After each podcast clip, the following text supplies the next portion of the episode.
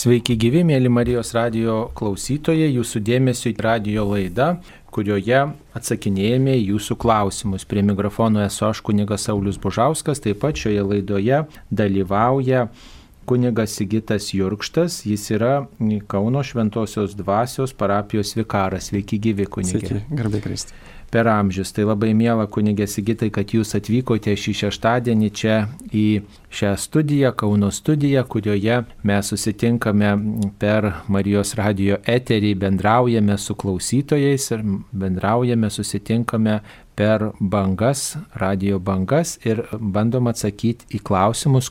Vienas klausimas yra apie šventąjį januarijų. Šiandien minimas šventasis Januarijus, kas jis toks buvo ir ką reiškia tas kraujo stebuklas, kuris dažnai prisimenamas, kaip jį galime paaiškinti. Na, šventasis Januarijus tai buvo e, kankinys iš Italijos kilęs ir dabar yra jo relikvijos būtent Neapolėje. Ir jisai, e, tas stebuklas jo kraujo yra žinomas labai plačiai, nes visą laiką pasikartoja toks reiškinys, kada susirenka maldininkai ir kartu meldžiasi ir jo e, kraujas tarsi, e, kuris buvo su ir yra sukrešėjęs, jisai pasidaro vėl e, skystas ir netgi užputojo, tarsi užverda tas kraujas.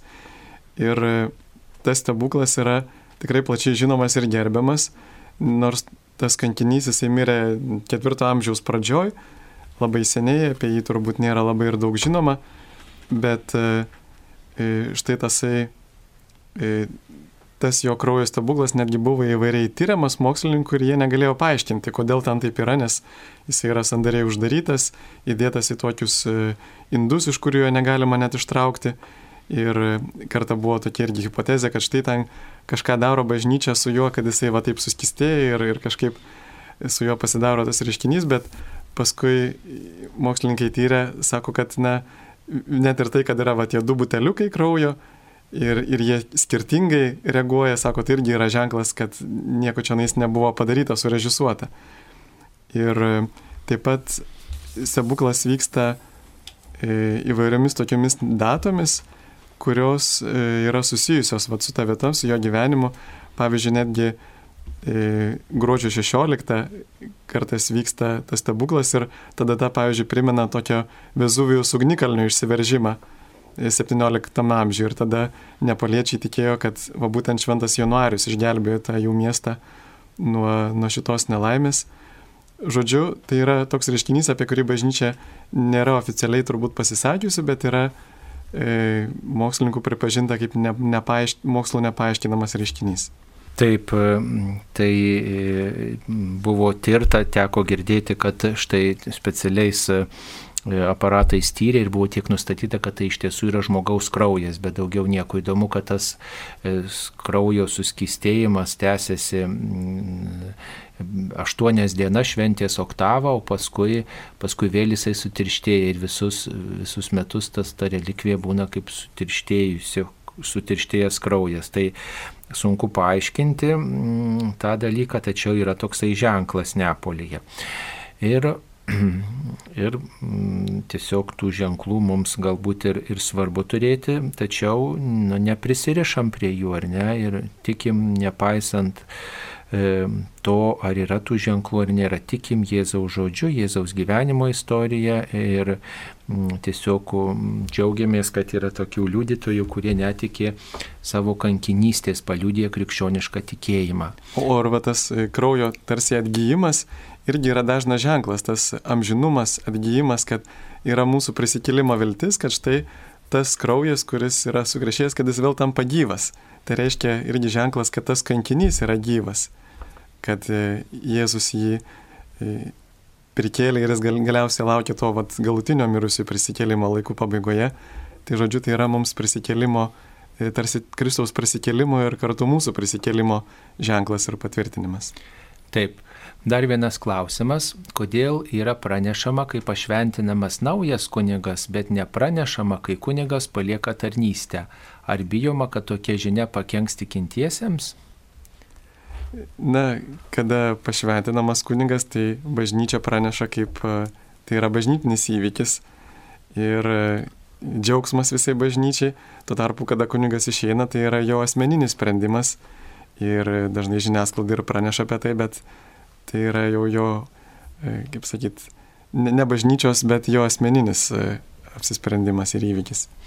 Na, bet to turbūt yra visada tokia, tokia viltis, kad štai kunigas vis dėlto neaišku kokios priežastis, kodėl jis palieka tą tarnystę, tačiau na, laikomasi tam tikro diskretiškumo ir yra viltis, kad vis dėlto gal tas kunigas dar ir grįš į tarnystę.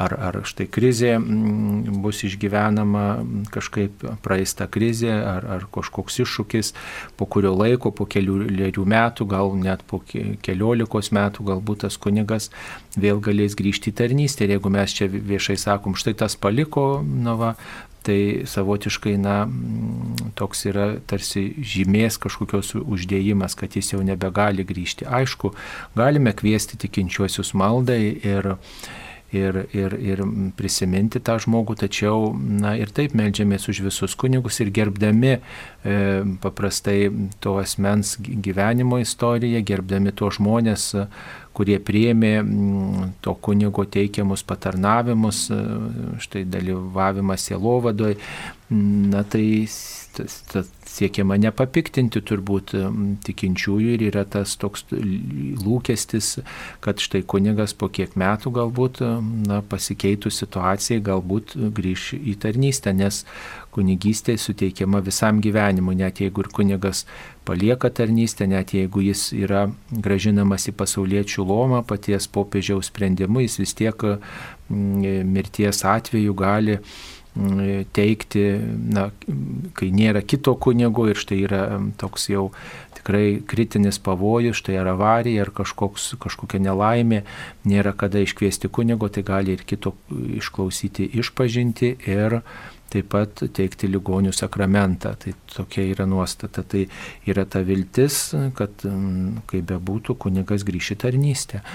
Tai, na, turbūt ta informacija ir tai pasiekia, jei koks kunigas palieka tarnystę, ypač mm, pasiekia tuos žmonės, kurie, kurie yra kunigo gyvenamoje vietoje, kur kunigas tarnauja, tai tikrai tie žmonės yra dažniausiai informuojami. Taip, dar žiūrime į kitus klausimus, ar gali laikyti save Mm, katalikų bažnyčios narių žmogus, kuris netiki kūno iš numirusių prisikėlimu ir nelaiko to nuodėme? E, turbūt, kad negali, nes apaštalas Paulius netgi sako, kad netgi krikščionimis mes negalime laikyti savęs, jeigu netikim prisikėlimu, nes tai yra mūsų tikėjimo pagrindas ir sako apaštalas Paulius labai aiškiai, kad jeigu netikim, kad Kristus yra prikeltas, tai ir mūsų viltis tuščia, ir mūsų tikėjimas yra tuščias. Taigi ne tik, kad kataliku, bet ir krikščionimi negalėtų savęs laikyti toks žmogus. Nu, turbūt e, neaišku, kaip sakyt, koks tas netikėjimo e, laipsnis, nes kartais gali ir ateina tokių abejonių ir tokių svarstymų, kaip ten gali būti, o kaip čia mes prisikelsim, o kaip tas Kristus atgyjo, tokių svarstymų, bet ką žmogus su tuo netikėjimu daro. Jeigu jis labai sąmoningai tą atmeta, tai yra viena, o, bet jeigu jis tiesiog svarsto, bejoja ir, ir nepriima, nu, va, tai, tai yra visai kas kita. Ir jeigu ieško tiesos, ieško, klausia, skaito, domisi, klausosi, na, tai tada tą, tą kaip sakyti, netikėjimą žmogus ir, ir, ir sklaido, nes tų abejonių, įvairiausių abejonių ir kitais klausimais turbūt turi daugelis žmonių ir sunkiai priima bažnyčios tam tikras ištaras įvairiais klausimais. Tai nereikia turbūt to labai ir bijoti, tik tai, tai kad tik tai, ką mes darom su to netikėjimu, čia klausimas. Tai m, tikrai ne, neužtrenki durų tam žmogui, kuris netiki, net jeigu ir griežtai pasisakė, žinot, visada tam kaip man atrodo Blezas Paskalis yra sakęs, netikinčiajam visada grėsia tikėjimas ir tikinčiajam visada grėsia netikėjimas. Jeigu mes neinvestuojam į savo mm, pažinimą, gilinimą tikėjimą, jeigu mes nepuoselėjam, na tai tada toks abejingumas braunasi. O lygiai tas, pat, tas pats ir su netikinčiuoju, jeigu jisai, mm, kad ir netikintis yra, bet jeigu jis ieško tiesos, jeigu jis domisi, jeigu jis atviras yra arba galų gale Dievo malonė kažkaip jį paliečia, tai gali iš to netikinčio šiandien rytoj būti tikinčių, kuris kažkada pakrikštytas. Šiaip tą, kad narystę turbūt labiausiai apsprendžia krikštas. Jeigu žmogus pakrikštytas, tai jis tikrai yra tas narys bažnyčios ir, ir Ir e, turbūt tas netikėjimas, žinau, tas vidinis toks turinys, tada mes tą, tą narystę tiesiog vidumi santykių su Dievu patvirtinam arba ją, ją neigiam, atmetam, na, vat, ko, į ką mes remiamės. Taip mums paskambino. Veronika iš Radviliškio. Taip, Veronika, klauskite jūs eteryje. Noriu paklausti, ką reiškia žodis aunuchas. Eunuchas, na va, žodis taip, ačiū. Eunuchas, žodis eunuchas, kunigė, jūs. Na, šventajame rašte Evangelijoje minimas, pavyzdžiui, Eunuchas, dvarininkės kandakės, kuris, Apaštul darbuose turbūt. tai apaštal darbuose, atsiprašau, kuris e, buvo, kaip ir Jėzus irgi paskui minėjo Eunuchus, sako, yra va tokie, kurie, e, tai yra iš prigimimo Eunuchai, kuriuos žmonės kiti tokiais padarė ir kurie patys save tokiais padarė e, dėl dangaus karalystės. Tai va čia irgi tas jaunukas, kuris e, nepajėgus turėti lytinių santykių, kuris va, žmonės tokius padarydavo būtent tuos, pavyzdžiui, tuos kandakės ar net tos karaly, e, dvarininkės e, tarnas, kad jisai ne, nedarytų kažkokios prievartos ir taip toliau, tai jisai yra va, toks padarytas, kad galėtų moteriai tarnauti. Taip pat e, tuo atveju, kada mes pavyzdžiui, pasirenkam skaistybę dėl dangaus karalystės, tai yra jau kitas atvejis, kada sakome, kad štai šitas dalykas, kuris yra va šeima, pats didžiausias gėris žemėje, pats pati didžiausia tarsi vertybė ir džiaugsmas, mes galime jos atsisakyti dėl dangaus karalystės, nes tai yra dar daugiau. E, tuo liudijame, kad štai, e, kaip ir Jėzus sakė irgi, kad danguje niekas neves ir netekės, tai mes jau iš anksto tarsi pradam liudyti, kad va, žmogus tam yra skirtas dangui ir kad jau dabar gali gyventi e, pasišvesdamas ne tiek šeimai, kiek, pavyzdžiui, visai bažnyčiai, bendruomeniai, kažkokiai misijai.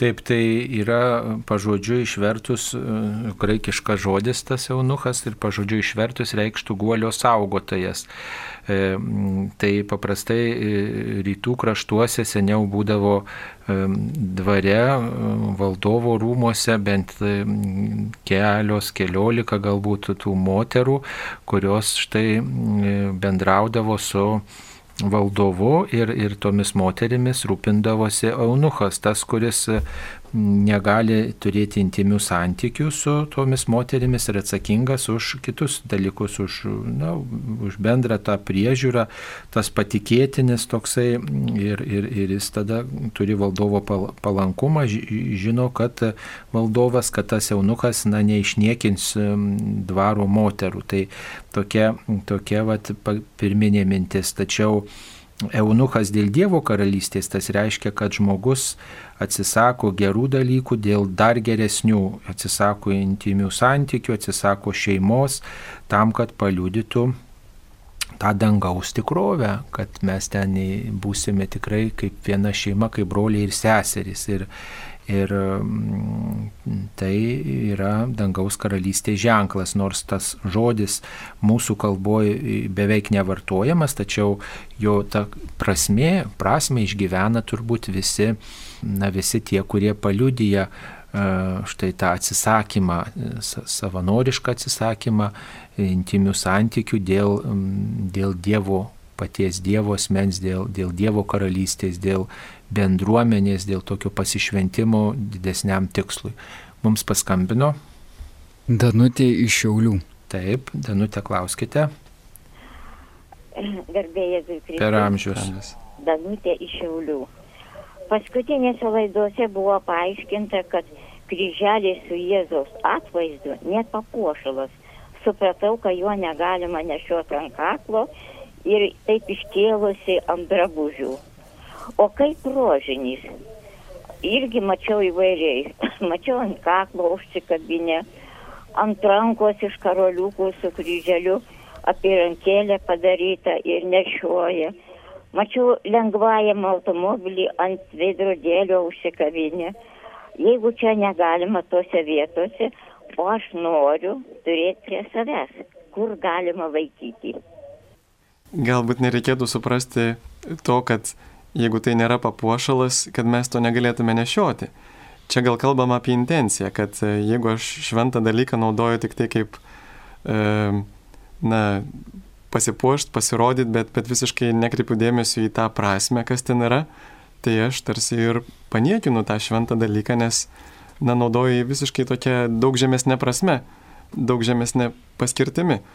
Tai tikrai galime nešioti ir kryželius, ir, ir rožinius, ir labai gerai mes tuo galim išpažinti savo tikėjimą, krikščioniškumą, tada ir kitiems bus drąsiau išpažinti savo tikėjimą, nebijot, kad jie yra krikščionis. Taip pat tas turi, kad ir pasikabinimas ant vedradėlio rožinio turi mums priminti maldą ir paraginti melstis, pavyzdžiui, kur nors sustoji, kur nors turi laiko ir gali nusikabinti tą rožinį ir melstis.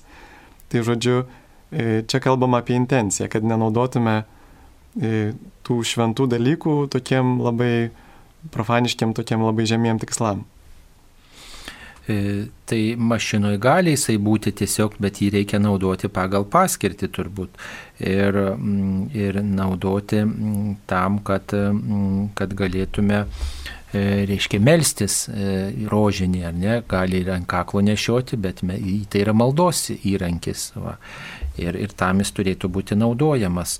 Nu tai, matot, mašinoje jisai kabon teisingai, bet jeigu žmogus, mes nežinom, čia svarbiausia, kad žmogus melstusi tuo ženklu, bet nebūtų jisai amuletu. E, tas, tas ženklas tai yra tuo, kuris, tuo, tuo daiktu, kuris tarsi turėtų pats savaime mums nešti sėkmę, laimę, jeigu aš pasikabinau, tai jau tada ir, ir, ir jau ta sėkmė mane lydės kelyje, gyvenime ir panašiai. Tai taip tikriausiai nebus ir tai yra toks būtų iškreiptas tikėjimas. Kita vertus dar ir pašventintais daiktais objektais irgi Dievas mus saugo nuo, nuo piktosios dvasios palimų, bet irgi tada, kada mes, būtent tas mūsų tikėjimas yra tiesus, tikras, kada mes tikime Dievu, kuris mus atpirko, va, pavyzdžiui, per kryžių. Ir, ir jisai mūsų saugo, tai yra irgi gera turėti pašventintų daiktų kaip tokį dvasinį ginklą. Mums atsiunti žinutę, kviečia pas, pakomentuoti Medžiugorijos situaciją, kodėl net keturios Vatikano komisijos iki šiol nepatvirtino apsireiškimų. Štai toks yra klausimas. E, žinom, kad e, buvo tų komisijų daug ir jų, ir jų darbas dar tęsiasi ir toliau. Mm, ir žinom, kad e, turbūt prieš e, daugiau kaip metus panašiai popiežius Pranciškus leido piligriminės kelionės į šią vietą, tačiau nėra patvirtinęs, nėra Vatikanas e, patvirtinęs oficialiai aprieškimų turinio. Taip. Irgi neseniai kaip tik išėjęs yra ir toksai straipsnis Bernardinuose, čia prieš keletą dienų, kur interviu su Nuncijumi. Ir Nuncijus irgi komentuoja tos įvykius Medžiugorėje, jis pristato tokius, na tai, ką bažnyčia daro, kad atskirtų tuos apsireiškimus tikrus nuo tikrų.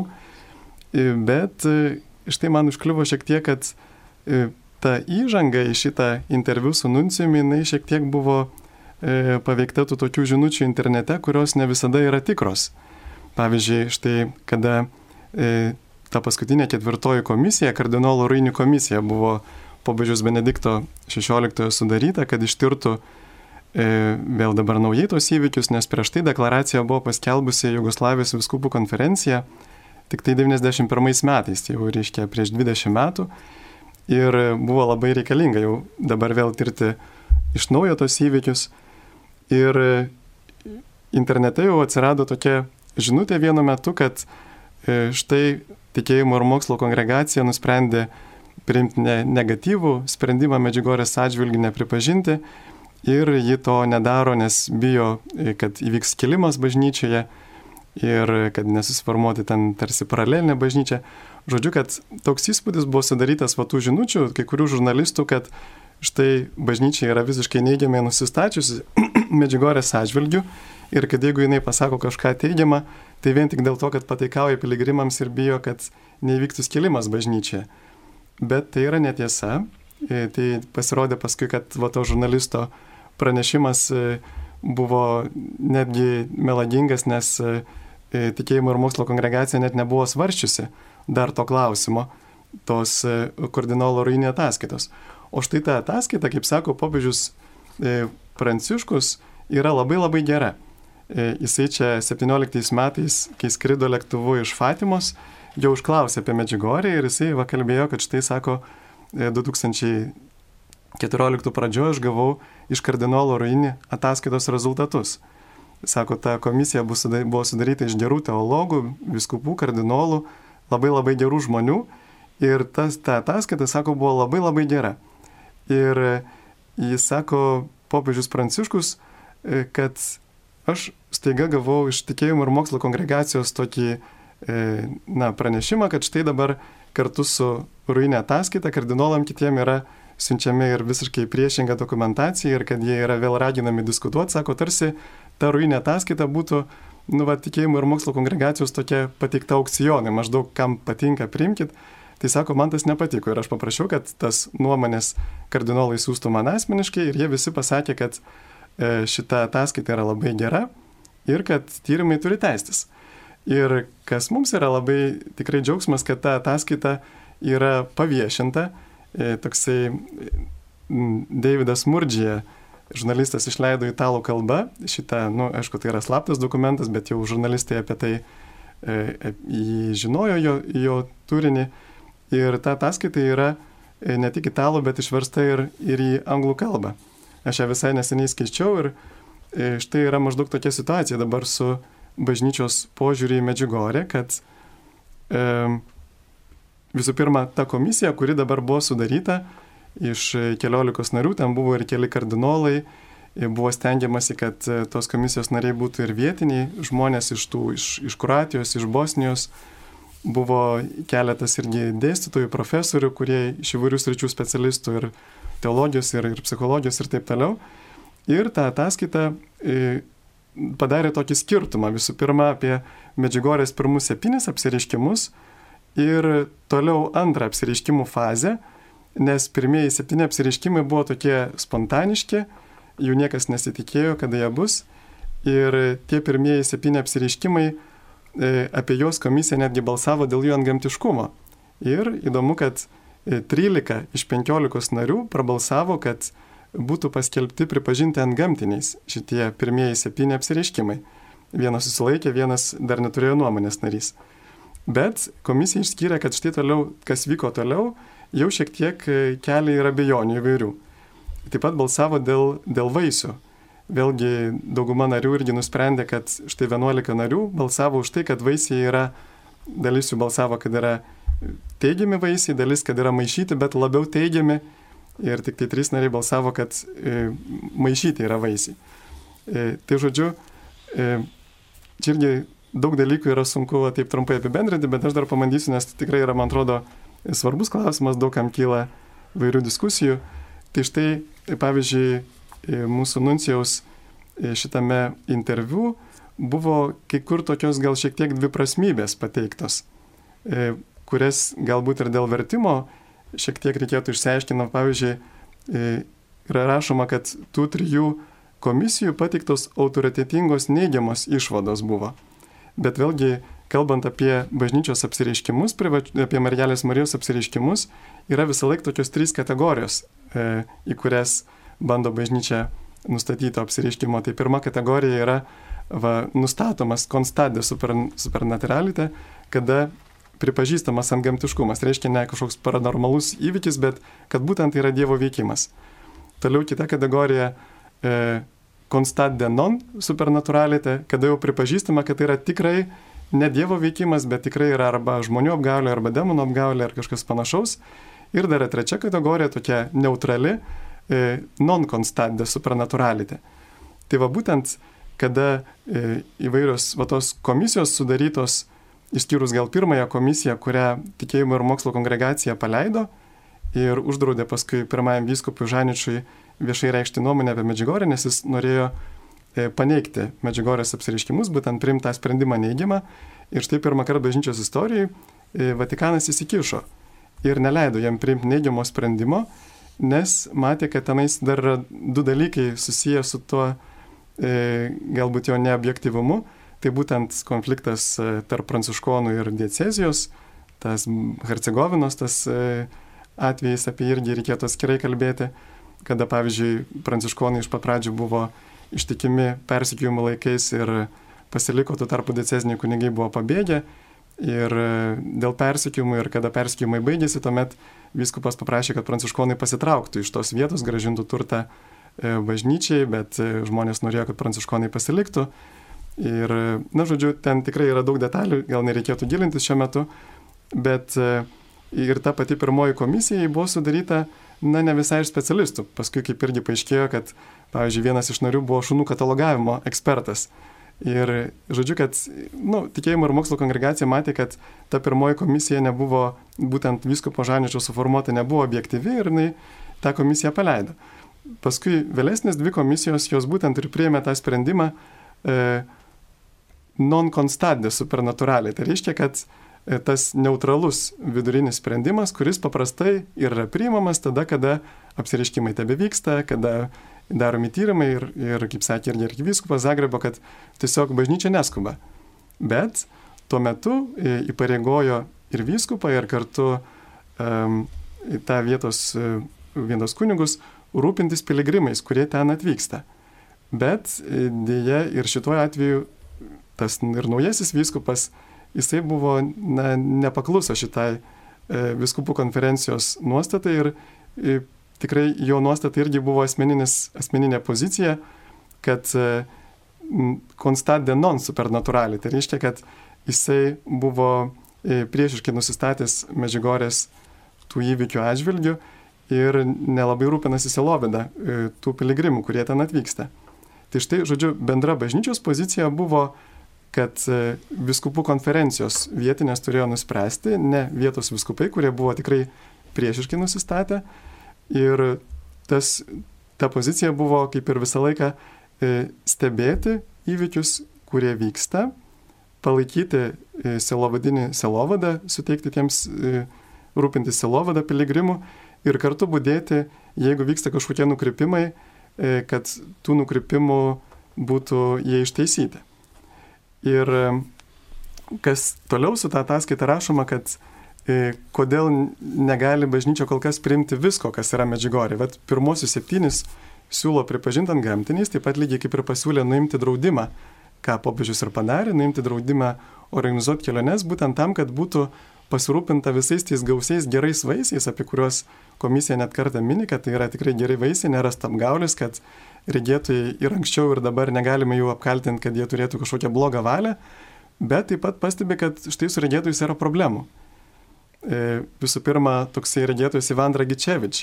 Irgi e, internete irgi daug įvairių žinių yra apie jo gal tam tikrą prabangų gyvenimą, bet komisija irgi pripažįsta, kad štai e, apie gerą regėtojų valią ir pradžioje ir dabar galima sakyti, išskyrus kalbant apie šitą regėtoją, kad jisai galimai siekia pelno, dėmesio ir taip toliau ir galimai netgi turi tam tikrų moralinių gal nuopolių.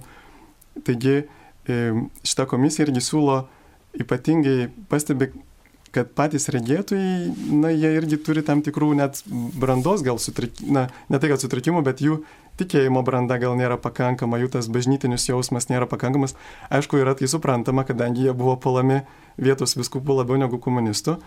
Ir, bet žodžiu, jie neturėjo per ilgą laiką, neturėjo pastovaus dvasios tėvo, nei vienas iš tų, e, iš tų, iš tų regėtojų jie.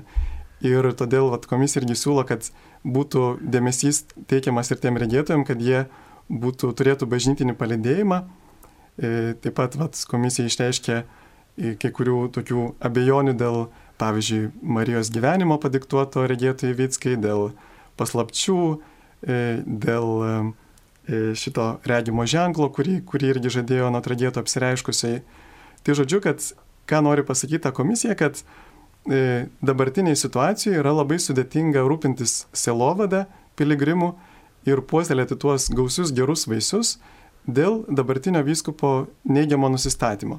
Ir todėl jie siūlė, kad toje vietoje buvo, būtų įsteigta popiežiška šventovė, tai viena vertus dėl neigiamo vyskupo nusistatymo, e, kita vertus dėl to, kad tai pranoksta jau vienos viskupijos reikalus, nes žmonės atvyksta iš įvairių viskupijų, iš viso pasaulio, tikrai yra turbūt viena iš populiariausių šventovių Medžiugorė ir todėl siūlo, kad vat, būtent ta būtų popiežiška šventovė, kas link e, e, balsavimo irgi jie balsavo komisija keliais klausimais, pavyzdžiui, dėl to, ar na, ant gamtiškumo tų vėliau įvykusių įvykių po tų septynių apsiriškimų, tai didžioji dalis, 12 iš tų narių, jie pasisakė, kad dabar negali nuspręsti, kad tyrimai turi vykti ir kadangi apsireiškimai tęsiasi, na, tie reiškiniai tęsiasi, tuomet bažnyčia negali priimti jokio sprendimo dėl e, antgamtiškumo to, kas vyksta toliau, bet jinai būdi. Ir vėlgi, pavyzdžiui, tame straipsnėje Bernardino apie buvo nuncijų užduotas toks klausimas, e, sako, tik nelies mano patirties, e, vat, e, kad moteris sako, kad štai nesvarbu, kaip Medžigorija yra, ką bažnyčia priims, kokį sprendimą priims, bet aš tikrai žinau, kad ten viskas iš Dievo ir aš priimu ir man nesvarbu bažnyčios nuomonė. Tai vad šitą poziciją Nuncijus tikrai teisingai sukritikavo, kad e, mes turime būti klusnus bažnyčios vaikai ir jeigu bažnyčios taiga vieną dieną pasakytų, kad Medžigorė yra ne iš Dievo, tai mes tikrai turėtume paklusti ir na, nebe, nebeskaityti, nebevažiuoti tenais. Bet bažnyčia to nėra pasakiusi ir kaip tik jinai, e, na, bet įsivaizduokime, pavyzdžiui, jeigu žmonės Jono Krikštitojo laikais būtų sakę, na štai palaukime, kol Sinedrionas pripažins, ar Jonas Krikštytojas yra iš Dievo ir tada mes galėsim atsiversti. Bet juk va ta žinia, kurią, e, kuri yra perdodama medžiugoriai, tai yra Evangelija žinia apie atsivertimą, maldą pasninką ir tą komisiją ir maldą už taiką. Ir tą tyrimų komisija ir pripažino, kad štai yra tikrai daug e, labai gerų vaisių, kad žmonės atsiverčia, kad žmonės sugrįžta prie sakramentų, ypatingai atsi, iš pažinties, e, Euharistijos ir kad e, Taip pat įvyksta įvairūs pašaukimai, netgi pripažino, kad yra ir stebuklingų išgyjimų dokumentuotų nemažai toje vietoje. Taigi tas tikras evangelinis, evangelinė pozicija būtų nesakyti, kad štai man visiškai nesvarbu, e, ką čia nais gal Dievas ar kalba, ar nori perduoti, ar per medžiugorį, ar kitur, aš turiu šventą raštą ir viskas. Čia irgi gal tokia vad sadukėjai buvo pozicija, kad Dievas kalba tik per penkiaknygę, o štai daugiau per pranusus ir kitur Dievas nebegali kalbėti. Bet štai man tai yra svarbu, ką, ką Dievas nori pasakyti. Ir evangelinė pozicija yra ta, kad būkite gudrus, būdėkite ir viską ištirkite. Tai vad tas tikrai siūlau susipažinti su ta būtent komisijos ataskaita. Taip, mums paskambino.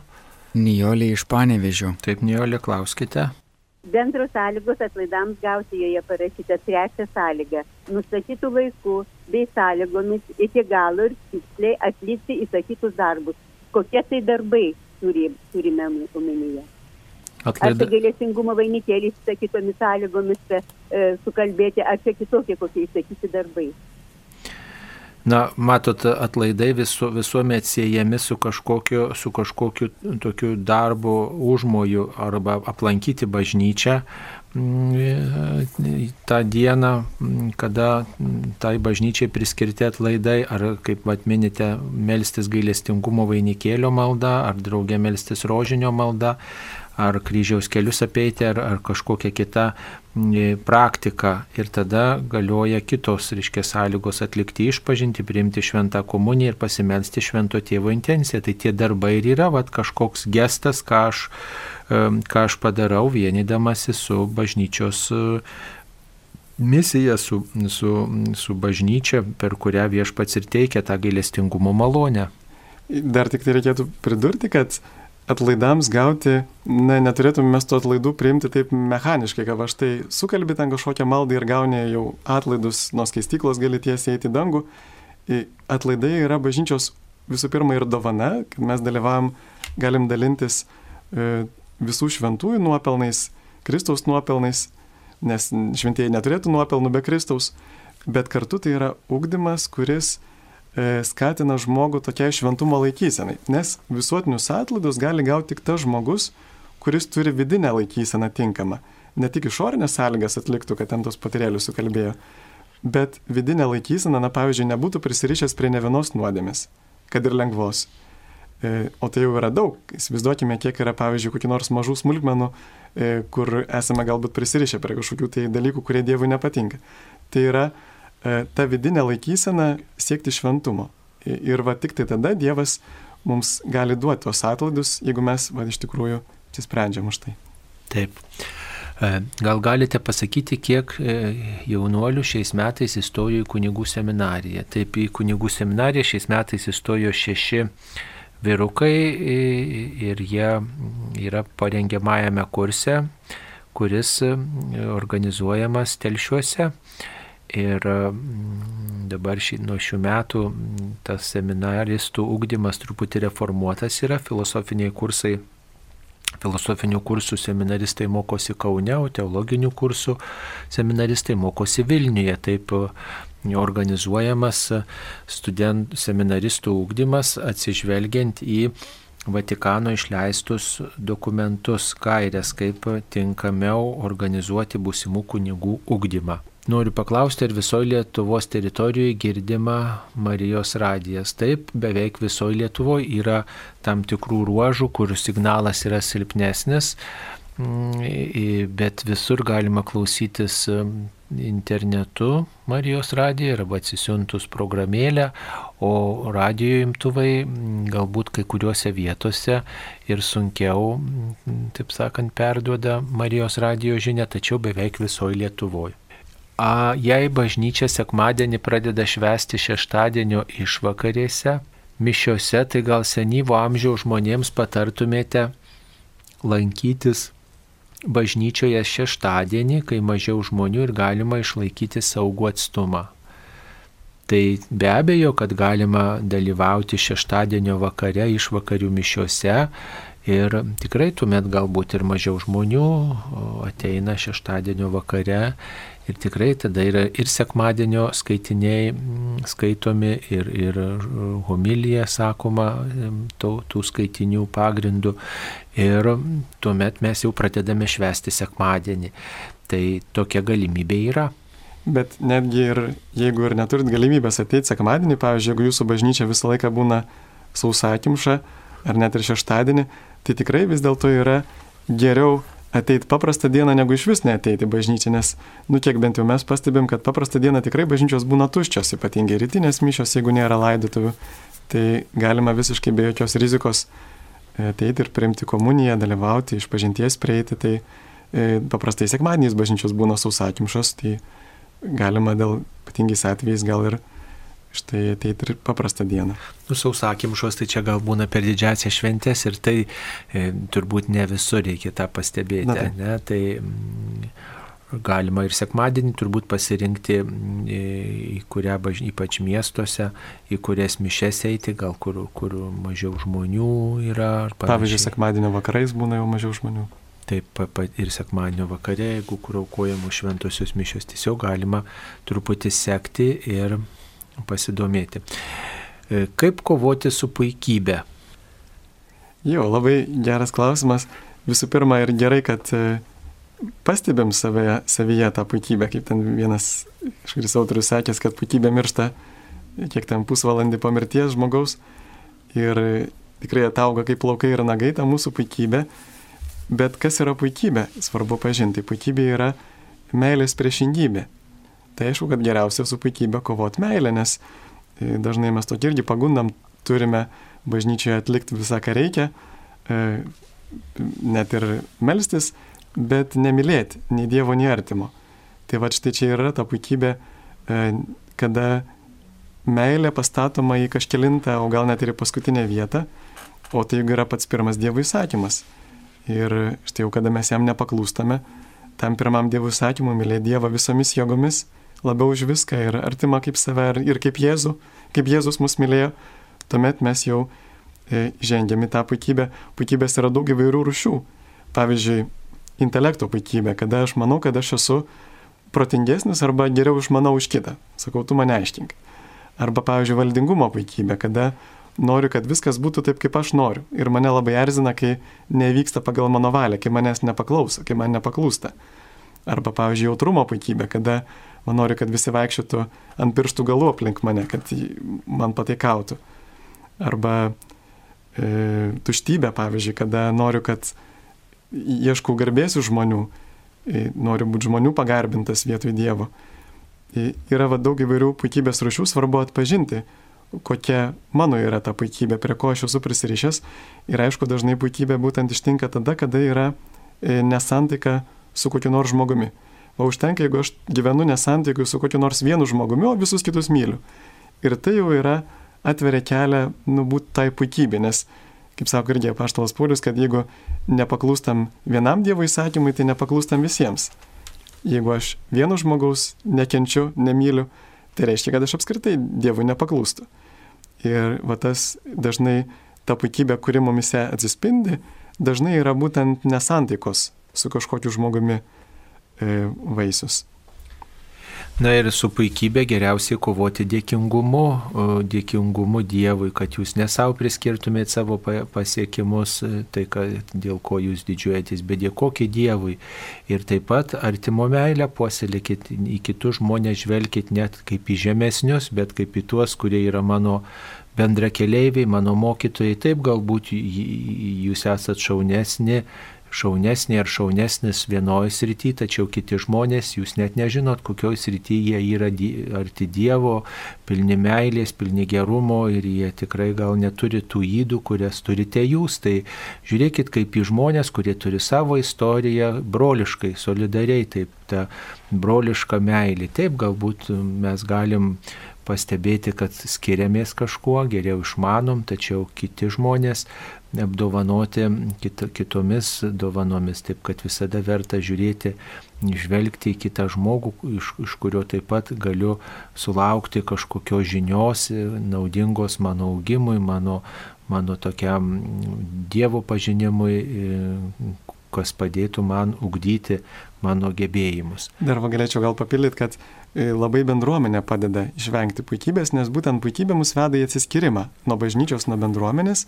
Kada aš esu su kitais, tai, na, viena vertus mane gali ir nugesinta mano puikybė kitas draugas, bet kita vertus aš galiu pažinti ypatingai maldos grupelėse, kur žmonės dalinasi, ne tik kartu melžiasi, bet ir kartu dalinasi, pavyzdžiui, Dievo žodžiu, galiu pažinti, kokių ypatingų dovanų kitas žmogus turi ir kad ne aš vienas esu Dievo apdovanotas. Tai vaduoda tokio realybės jausmo. Taip pat šventas raštas mums atskleidžia, e, va, kiek mes esame, pavyzdžiui, arba šventųjų raštai irgi, kiek mes toli nuo to šventumo idealo.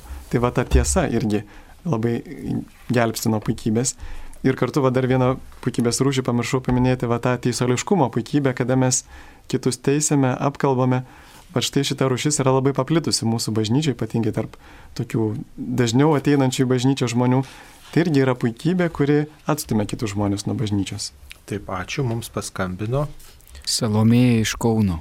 Taip, Salomėja. Labas rytas. Labas rytas. Aš noriu gal ne tiek paklausti, kiek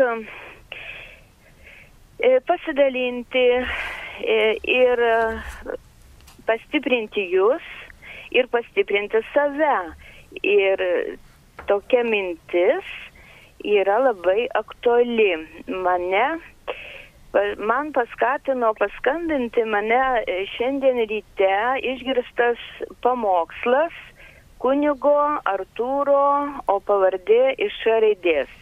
Arūnas Simonavičius, turbūt Arūnas taip, Simonavičius, taip. Turbūt taip, Arūnas. Ir man labai e, visada knėtėjo šitą mintį iškelti Aš ją tuoj paskaitysiu. Aš esu tą mintį iškėlusi, reiškia, kai kuriuom, kai, kai, kai, kai, kada buvo ta diskusija, kad savanoriai būdė, tai Tai aš vienam paskambinu ir prašau užsirašyti, ir kitam paskambinu ir prašau užsirašyti, ir jie užsirašo ir sako, o čia tai jo, čia tai veža, čia tai gerai, čia tai sako tikrai mintis yra labai kieta, kadangi sako iš tikrųjų taip ir būna. Dalyvauji mišiose, daug metų net kai kurie žmonės stovi toje pačioje vietoje, labai tvarkingai klaupėsi, stojasi, ištiesia rankas, kalba tėvė mūsų, su šypsena e, palinkė ramybės, viskas vyksta labai tvarkingai, bet sako, o ir man tai būna, ir turbūt ne man vienai, nes aš stengiuosi būti nuoširdis, sako, žinot, Niekas mano gyvenime nesikeičia. Nu, atrodo taip, atrodo viskas, nu, vat, kažkokia, kažkokia, tai sako, nu, žinote, sako, taip, taip, turbūt sako, aš ir numirsiu ir aš net nežinau, sako, žinote, atrodo, man Dievas, Dievas, Dievui aš taip atrodo, tokia atrodo nieko gero ir nepadariusi. Tai vad, aš paskaitysiu, čia yra tik du sakiniai. E, aš radau mintį knygutėje, kuri yra skirta adoracijos maldoms. Čia kur Vilniaus gatvėje tas adoracijos koplyčia. Ir ten aš radau labai puikią mintį, kurią pasakė kardinolas Rikardas Kustringas. Aš nežinau, nei kada jis gyveno, ar jis dabar dar. Tai paskaitykit gyvena, tą mintį, paskaitykit gerai. Taip, dabar ta mintis. Liturgija suprasta kaip bažnyčios garbinimas ir socialinė veikla suprasta kaip bažnyčios darbas yra viena kitos dalys. Liturgija, neskatinanti savo dalyvių darbuoti socialinėje sferoje, yra vien ceremonija, kabletaškis. Socialinė veikla, tuo tarpu, tuo tarpu socialinė veikla, nerandanti šaltinio liturgijoje, yra grina filantropija. Taip, tai ačiū Jums. Ačiū Jums už perskaitytą mintį. Taip, tai skatina susimastyti, kad mūsų maldos ir mūsų darbai, mūsų gyvenimas ir mūsų maldos um, turėtų tam tikrą ryšį. Šiaip iš tikrųjų labai gerai jūs pastebėjote, tikrai yra turbūt problema šita mūsų, kad mes kartais pati, patikim tą socialinę veiklą karitui, specialistam. Štai yra karitas, nueikite į karitą, ten jums padės. Bet tikrai čia yra problema, kad mes irgi gal ir kunigai dažnai rūpinamės, na, va, tą liturgiją, kad viskas gražiai atrodytų, kad būtų e, graži malda, smilkalai, kvapnus ir taip toliau. Bet e, ir bažnyčios tėvai labai dažnai va tai kritikuodavo, sakydavo, kad, na, tu iš pradžių pasirūpink Kristumi, kuris šala, vargšas yra, tada galėsi auksinius indus nusipirkti. Tai iš tikrųjų čia yra problema ir turbūt kiekvieno iš mūsų problema, nes tada tą ir popiežius Pranciškus pastebi ragina kaip tik. Juk ne veltui ir Pranciškus vardą pasirinko ir ne veltui sako, turim išeiti iš savo komforto zonos, eiti į paribius, išeiti iš zakristijų. Tai va čia yra kaip tik šita mintis labai atitinka su popiežiaus Pranciškus dabartiniu raginimu. Nu, bet dažniausiai tai, e, kai, e, kai reiškia, prikišama bažnyčiai, kad štai jau indai auksiniai ir panašiai, o, o, o nepasirūpinat vargšais, visa tai dažniausiai, reiškia, rodoma į kitus. Bažnyčia tai nėra tik tai kunigas, o bažnyčia tai yra visa bendruomenė. Ta- Tais atvejais reikia klausti, o kiek aš rūpinuosi tais vargšais, silpnaisiais ir kiek aš rūpinuosi iš tokių socialinių paskatų, o kiek rūpinau, rūpinuosi todėl, kad ten sutinku juose viešpati, kad darau Dievo darbus. Turbūt reikia vieną daryti ir kito neapleisti. Ir melstis, ir pasirūpinti tais, kurie vargsta šalia mūsų. Taip, e, dar vienas klausimas, žinutė. Kas žinoma apie Juozapo gyvenimą tuo metu, kai prasidėjo Kristaus kančios kelias? E, Turbūt Juozapo. beveik nieko nežinoma iš Evangelijos. Ir tikriausiai jau Jozapas buvo miręs. Ir tik žinoma iš tokių vat apokrifinių šaltinių. Tai irgi įvairios legendos, pasakojimai, padavimai. Bet iš Evangelijos mes nieko nežinome.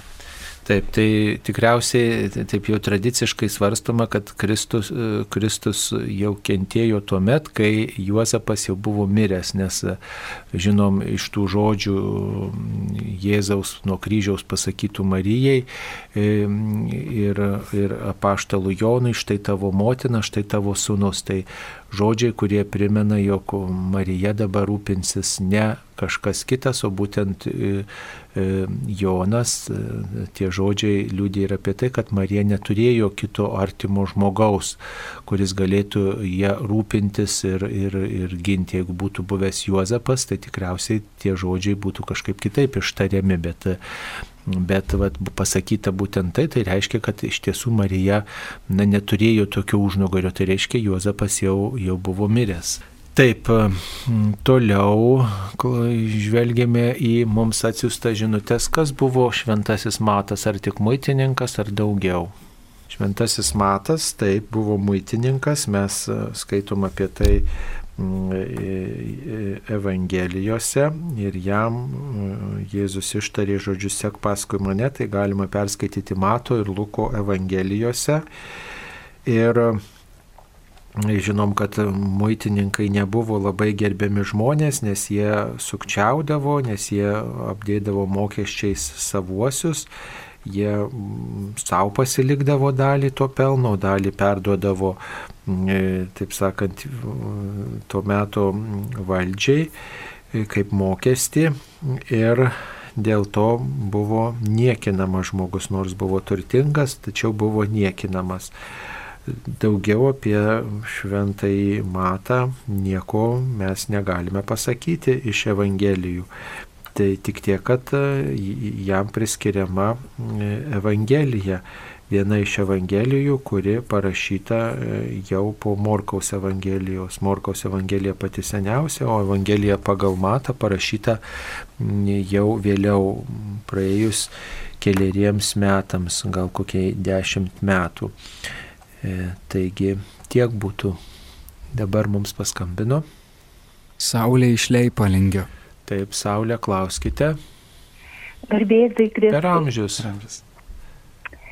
E, norėjau paklausti kunigą svečią. E, man, nu, atrodo, kad jo pavardė buvo vakar paminėta tokioje naujoje laidoje. Aš čia su operatorium susitikslinau, e, radijas keliauja į namus, buvo kalbama apie Arkos bendruomenę. Ir labai ta laida nu, palietė mane ir, ir sudomino. Ir e, buvo minėta, kad jūs e, ten tarnaujat kapelionų toj bendruomeniai. Ir e, dabar mano klausimas, e, neklausimas, toks prašymas, e, ar negalėtumėt e, plačiau papasakoti apie savo tarnystę va, būtent ten? Na, dar oficialiai nesu ten kapelionas, bet tiesiog, na, taip rūpinosi selovada tos bendruomenės ir dėl to, kad jinai yra čia kaune mano parapijai teritorijoje ir kartu dėl to, kad e, savanoriavęs esu arkoje, ir tikrai labai daug gero gavęs arkoje dar prieš, e, prieš e, grįždamas į, į kunigų seminariją. Tai ta tarnystė labai paprasta, mes tiesiog e, kartu būname, kartu melžiamės ir tai yra arkos bendruomenė, sakyčiau, turi tokią na, bendruomeniškumo charizmą ir tokią artimo meilės charizmą, kad kaip ir popžius Pranciškus dažnai mini tą, mini tą švelnumo revoliuciją, kad kartais mums irgi esam per daug atšiaurus vieni kitiems, o štai tie bičiuliai, kurie turi ypatingai proto negalę, jie kažkaip labai sugeba būti, na ir, ir suaugę būti kaip vaikai. Va, tokie paprasti, apkabinantis, e, e, gerą žodį pasakantis, aišku, visko ten būna, bet, bet tiesiog tai yra, na, man gerai yra būti toje bendruomenėje. E, jie yra tikrai kaip šeima, kartu dirba, kartu meldžiasi, kartu valgo, tai kartais nueinu kartu pasimelsti, ypatingai kai dar nebuvo šitos pandemijos. Taigi Arkos bendruomenė irgi jinai buvo įkurta Žano Vanie, paskui Žanas Vanie irgi, na, paaiškėjo kai kurie blogi dalykai apie jo gyvenimą, nors turbūt galbūt jis ir ne, ne iš blogos valios, gal tiesiog buvo apgautas, tuo metu atvyko ta, ta jo laikais ta vadinama seksualinė revoliucija, įvairių, įvairių tokių idėjų buvo, kurios prieštaravo bažnyčios mokymui. Ir jo dvasios tėvas su to buvo irgi užsikrėtęs ir, ir, ir jisai vat, vykdė įvairias, na, net sakyčiau, tokius dalykus, kurie buvo tikrai netinkami ir nuodėmingi ir nusikalstami, bet visgi va ta Argos bendruomenė, nors ir šiuo metu išgyvena krizę, bet na, būtent dėl Žano Vanje, va, tokių duomenų, kuriuos sužinojome apie jį, bet visgi yra e, toksai, net sakyčiau, irgi ženklas mūsų laikams, irgi kaip e, kad tie mažutėliai, jie mums gali labai daug duoti. Netgi mus gali gydyti nuo įvairių mūsų kažkokių tai psichologinių kompleksų ir kad gali labai daug duoti Dievas per juos, kada mes vad stengiamės jiem kažkiek patarnauti. Taip, mums paskambino. Bronė iš molėtų. Bronė, klauskite. Per amžius. Aš noriu sužinoti plačiau apie e, Laisvės alėjai esančią Šventos Gertrūdos bažnytėlę.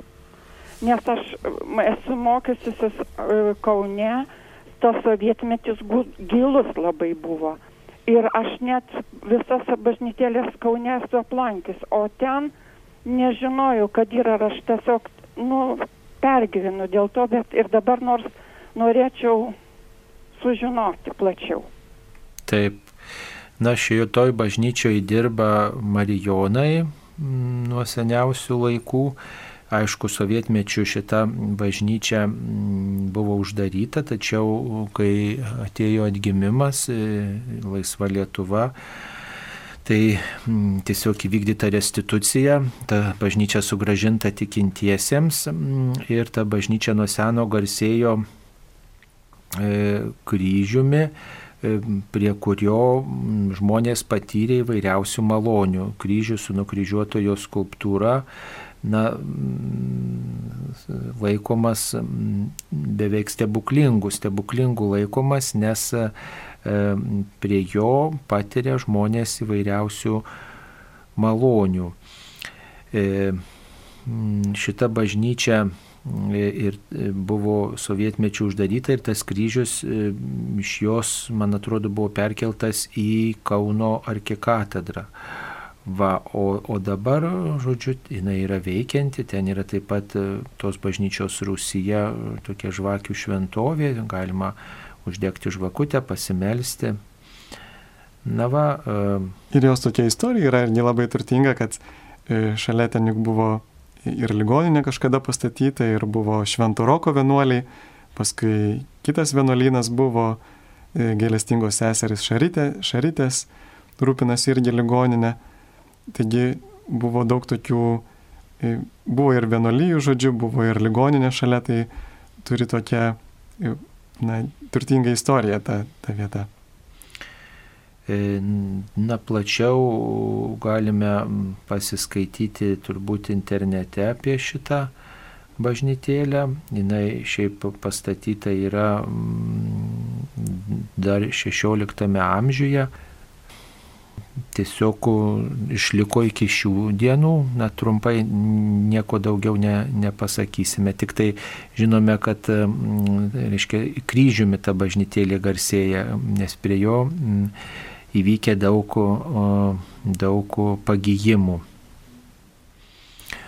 Tai tiek būtų, trumpai. E, dabar dar turime vieną žinutę Mano dukra nėra bažnytinėje santokoje, bet eina iš pažinties ir priima šventąją komuniją. Ar tai nuodėmė, jei taip, tai kodėl? Na, jinai gal turėtų pasakyti irgi, kai eina iš pažinties, kad štai gyvena, gyvena nesantokoje, nes taip išeina dabar, kad jinai tarsi nuslepia tai, ką bažnyčia laiko e, sunkia nuodėmė ir kartu besitęsiančią nuodėmę, dėl kurios jinai negali gauti išrišimo. Tai aišku, jeigu jinai taip daro, nu, tiesiog iš nežinojimo, tai galima jai pasakyti, jeigu tiesiog, na, iš tokio irgi e, gal net blogos valios, tai, tai tame tikrai yra ir, ir sunki nuodėmė, ir šventvagystė, ir tos išpažintis negalioja, bet, bet dažnai žmonės klausia, o kodėl e, štai, pavyzdžiui, žmogus padarė žmogžudystę, nužudė ir gali ateiti iš pažinties gauti išrišimą, o žmogus, kurie ten kartu gyveno, vaikinas su mergina, jie negali gauti išrišimą, tarsi žmogžudystė būtų mažesnė nuodėmė. Tai vėlgi ne todėl, kad, kad tai yra kažkokia na, didžiausia nuodėmė iš visų, bet todėl, kad ta nuodėmė yra besitęsianti. Nes nuodėmė išrišimą mes galime gauti tik tada, kada mes pasiryštame, kad daugiau nebenusidėsime. Net jeigu žinome, kad galbūt suklupsime netyčia iš silpnumo, tai galim gauti atleidimą.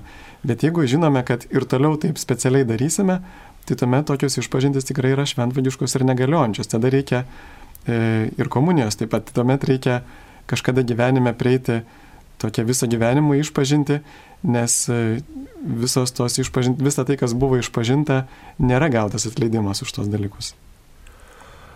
Taip, ir e, reikėtų ne tik išpažinti tą, e, kaip sakoma, svarstyti, bet taip pat ir pagalvoti, gal gali žmogus priimti ir santoko sakramentą, jeigu didelių kliučių nėra, gal ir apie tai verta pasikalbėti su kunigu. Viena žinutė. Biblija draudžia stabus, drožinius, kodėl kiekvienoje bažnyčioje pilna paveikslų skulptūrų, kai kurie žmonės gali ir meldžiasi juos žiūrėdami, tai ar nėra stabmeldystė? Taip, labai geras klausimas, ypatingai tą klausimą dažnai iškelia e, kai kurių protestantiškų konfesijų tikintieji, nes sako, štai žiūrėkit, Biblijoje tai parašyta, o dabar jūs taip elgitės visiškai priešingai. Bet vėlgi turėtume žiūrėti, kad nu, paklustume Biblijai ne pagal raidę, bet pagal dvasę. Buvo toks net ikonoklastų judėjimas e, jau seniai, dar nebuvo nei katalikų, nei protestantų, atrodo 8 amžius ar 7. Ir tuomet kai kurie bažnyčios tėvai labai kovojo irgi prieš tą ikonoklastų judėjimą, kuris siekia sunaikinti visą bažnytinį meną. Visus paveikslus, visus kryžius ir taip toliau, sakydamas, kad čia stabai. Bet vėlgi, kas yra stabas?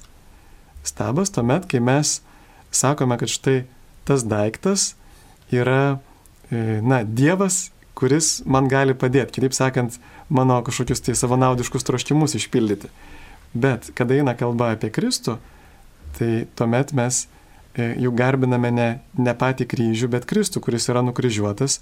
Na čia lygiai taip pat, kad ir, va, pavyzdžiui, šių laikų žmogus, kuris nešiojasi mamos nuotrauką. Tai argi sakome, kad jisai daro stabą iš savo mamos. Na, jis turi nuotrauką, jis supranta, kad nuotrauka tai nėra jo mama, kad jisai negarbina tos nuotraukos, ir, bet kad jisai tą nuotrauką jam primena jo mamą. Tai lygiai taip pat irgi tiek Mergelės Marijos paveikslai ar šventųjų paveikslai mums primena tos šventuosius ir netgi padeda susikaupti, netgi rytų ortodoksų bažnyčia laiko ikonas, na, tam tikrais vos nesakramentais. Kuria prasme, kad tai yra tarsi langas, langas į anapusybę, tarsi e, galimybė irgi išgyventą Dievo įsikūnymą. Va, pavyzdžiui, kaip mes irgi garbiname švenčiausiai sakramentą, nes tikime, kad Jėzus tikrai yra švenčiausiame sakramente. Tai aišku, visai kitokiu būdu, jis tikrai realiai yra. Bet ikonos, pavyzdžiui, paveikslai, kryžiai mums irgi padeda sudabartinti Dievo buvimą čia ir dabar. Mums kaip žmogui reikia kreiptis į Dievą va, konkrečioje vietoje, konkrečiu laiku. Nes aišku, Senajame testamente buvo uždrausta kad dievas, Dievo atvaizdų gaminti, nes Dievas be galo pranoksta atvaizdus ir žmonės nebuvo linkę į tą į stabmeldystę, įvairūs buvo daugelis dievų įvairiausių, kuriuos jie ten išpažino, garbino dėl to, kad sulauktų savo kažkokios tai naudos. Tai va mes, kada gerbėme kažkokį tai bažnytinį meną, turim kartu labai turėti tvirtą tokį vidinį tiesumą, kad štai mes pripažįstame, išpažįstame tik vieną Dievą ir kad nesutapatinam to bažnytinio meno objektų su pačiu, kad tai nėra kažkokie dievukai. Na, šiuolaikinis žmogus, kuris yra išsilavinimas, aš matau, išsilavinęs, manau, kad jisai supranta, kad, kad, pavyzdžiui, paveikslas nėra Dievas. Čia gal buvo labiau toks senovės žmonių e, neišsilavinusi to, tokia pagunda garbinti tuos atvaizdus kaip kažkokius dievukus, bet mūsų stabai tai yra irgi jie išlikę, mes turim taip pat stameldystę labai plačiai išsikerojusią būtent dalykus, kuriuos mes pastatome į pirmą vietą savo gyvenime. Pavyzdžiui, santykius su žmogumi, e, daiktas, e, automobilis, dar kažkas. Tai vad šitos dalykus mes tikrai e, laikome stabais iš tikrųjų, jeigu mes juos statome priešais Dievą. Taip, ačiū, mums paskambino. Eugenija iš Molėtų rajono. Taip, Eugenija, klauskite. Sužinot noriu, kaip šitą. Judas Tadas buvo. Ir aš turiu jo knygutį ir meldžiuos, aš įtėjau, kaip panas yra, ir kad jo niekas niekur nemini. A dabar aš šitą aš remiu bažnyčių ir šitų, kur statą, tai aukoju ir aukoju pinigėlius, kad žmonės pasimelstų šitų dar. Taip, ačiū Jums, ačiū. Apie Judą Tadą mes ką galima pasakyti. Tai yra vienas iš dvylikos apaštalų irgi apie jį labai nedaug yra parašyta, bet kodėl viena iš priežasčių, kodėl ne, nedaug apie tai kalbama, nes mes nedaug žinome iš Evangelijos apie tai. Pavyzdžiui, legendos yra pasiekusios, kad jisai e, mirė kankinio mirtimi Armenijoje antroje pirmą amžiaus pusėje, e, kad skelbė ten Evangeliją ir Sirijoje, Mesopotamijoje ir taip toliau. Bet labiau nelabai mes ką apie jį ir žinome, bet tik tai jis yra minimas sąrašuose apaštalų. Dar e, paskutiniai vakarieniai klausė, E, apie, apie Jėzus, apie jo prisikelimą, jisai, kad buvo vadinamas ne e, kitas judas, ne Iskarijotas, kad ne, nemaišytume jo su tuo Jėzus išdaviku. E, ir, žodžiu, mes apie tai nedaug žinome, bet galime visą laiką prašyti jo užtarimo. Kartais būna tokie atvejai, kada ne vienas atvejis bažnyčios istorijoje, kada koks nors šventasis ypatingai pradėjo daryti na, savo užtarimu daryti stebuklus, išklausyti įvairių maldų būtent po mirties. Tai va būna tikrai tokių šventųjų, kurias Dievas išaukština po jų mirties. Apie jų gyvenimą mes nedaug žinome, bet jų užtarimas yra labai veiksmingas. Tai galbūt čia yra ir judotado atvejais. Taip. Dar e, viena žinutė. Noriu paklausti, už ką mirė Kristus, už visas mūsų nuodėmės, ar tik už tą būseną, kurią įgyjame gimdami. E, turiu omenyje mirti, nes mirti paveldime iš Adomos ir Jėvos, o kitos nuodėmės yra atleidžiamos, manau, per pačio žmogaus atgailą. Čia gal reikėtų irgi atskirti tokius dalykus, visų pirma apie tą mirtį irgi kalbant. E, nors bažnyčios tėvai, ypatingai Šventas Augustinas, mus perspėjo neskaityti paraidžiui tų pradžios knygos, pradžios knygos skyrių apie sukūrimą, bet bažnyčia, turim pripažinti, iki pat XIX amžiaus įskaitė, kai kur paraidžiui ir net katekizmai yra parašyta, kad štai mirtis atėjo per nuodėmę. Bet iš biologijos žinome, kad dar ir prieš žmogaus sukūrimą, pavyzdžiui, dinozaurai irgi mirė. Na tai yra tiesiog net evoliucijos proceso net būtinas dalykas yra mirtis. Tai turbūt nereikėtų, e, bažnyčia gal kalba labiau ne apie fizinę, bet apie dvasinę mirtį, e, kuri atsiranda tada, kada žmogus samoningai nepaklūsta Dievui, samoningai daro nuodėmę. Tai Jėzus ypatingai iš tos dvasinės mirties mus vaduoja, nes mes atsiskiriam nuo jo, o štai Jėzus vėl mūsų vienė, sutaiko su Dievu. Aišku, jis mirė už visas nuodėmės, už e, dovanojimus ir amžinai gyvenimą kaip priedo, na ne kaip priedo, bet iš tikrųjų turbūt gal kaip jo e, pradinį net planą, jis turbūt be abejo, kurdama žmogų ir galvojo apie tokį žmogų, kurį pasikviestų į savo šeimą, su kuriuo galėtų gyventi amžinybėje, e, kuriuo galėtų na, vadinti broliu ir kuris galėtų Dievą vadinti tėvu. Tai Jėzus tikrai numirė už mūsų nuodėmės, bet irgi kaip parašyta Evangelijoje, jo kraujas išliemas už daugelį, ne už visus, būtent už tuos, kurie jį priima. Bet Dievas neprimeta mums laisvos valios, jis labai mus gerbė ir jis negali mūsų išgelbėti, nors sukūrė be mūsų, bet negali išgelbėti be mūsų bendradarbiavimo. Taip mums paskambino. Stasys iš Vilniaus. Taip, Stasy, klauskite. Aš girdėjau tokį pasaulietinį aiškinimą, kad moterys merginos yra nuo 6 iki 9 kartų dvasiškai stipresnės už vyrus. Žodžiu, aš vyrams patariu, jeigu tu leidėsi į konfliktą su moterim ar mergina, tai žinau, kad tą konfliktą tu pralaimėjai dar tą, tam konfliktui neprasidėjus. Aš asmeniškai ant savo kailių patyriau tokius dalykus, kad jeigu aš neužtaikau kokiai nors moteriai, tai ji mane apšaukė ir kad reiškia nusiramint tą dvasinį jos man mesteltą brudą neutralizuoti, tai aš darydavau tokius jau tolimus bėgimus, 50 km į šaltą vandenį lyzdavau netgi į e, jūrą žiemą. Taip. Yra buvęs toks atvejis, kad e, aš važiavau į palangą nu ir pasisakiau tuometiniai savo moteriškiai, kad aš eisiu į pirtį kretingoji. Oi, kaip jinai pradėjo reikti, ai, tu šizofrenikas, tu kvailys, tu psichinis ligonis, ko tu čia lendi ten, ko tu važiuoji tą kretininką, kam tau reikia, ko tu čia nesi.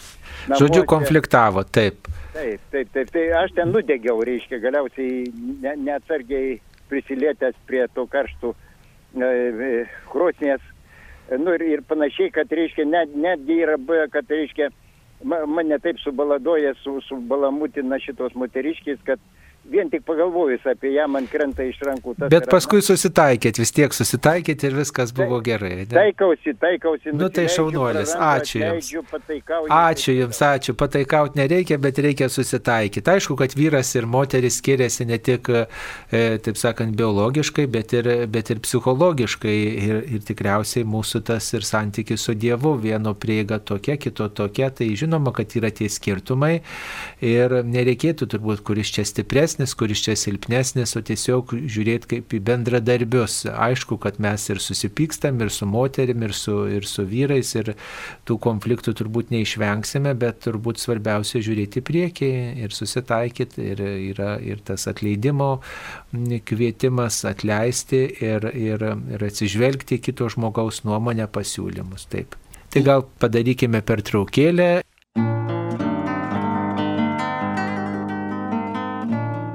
traukėlę. girdite Marijos radiją.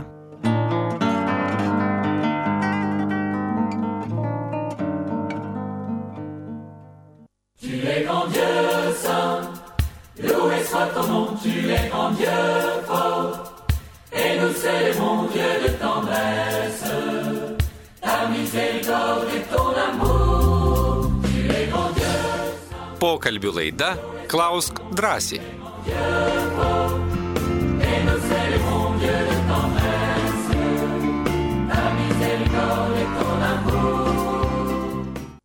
Mėly Marijos radio klausytojai, tęsėme laidą Klaus drąsiai, informuojame jūs, kurie šią laidą, į šią laidą įsijungėte ką tik dabar ar vėliau. Šioje laidoje į klausimus atsakinėja Šventojios dvasios parapijos vikaras kunigas Sigitas Jurkštas ir aš kunigas Saulis Bužauskas.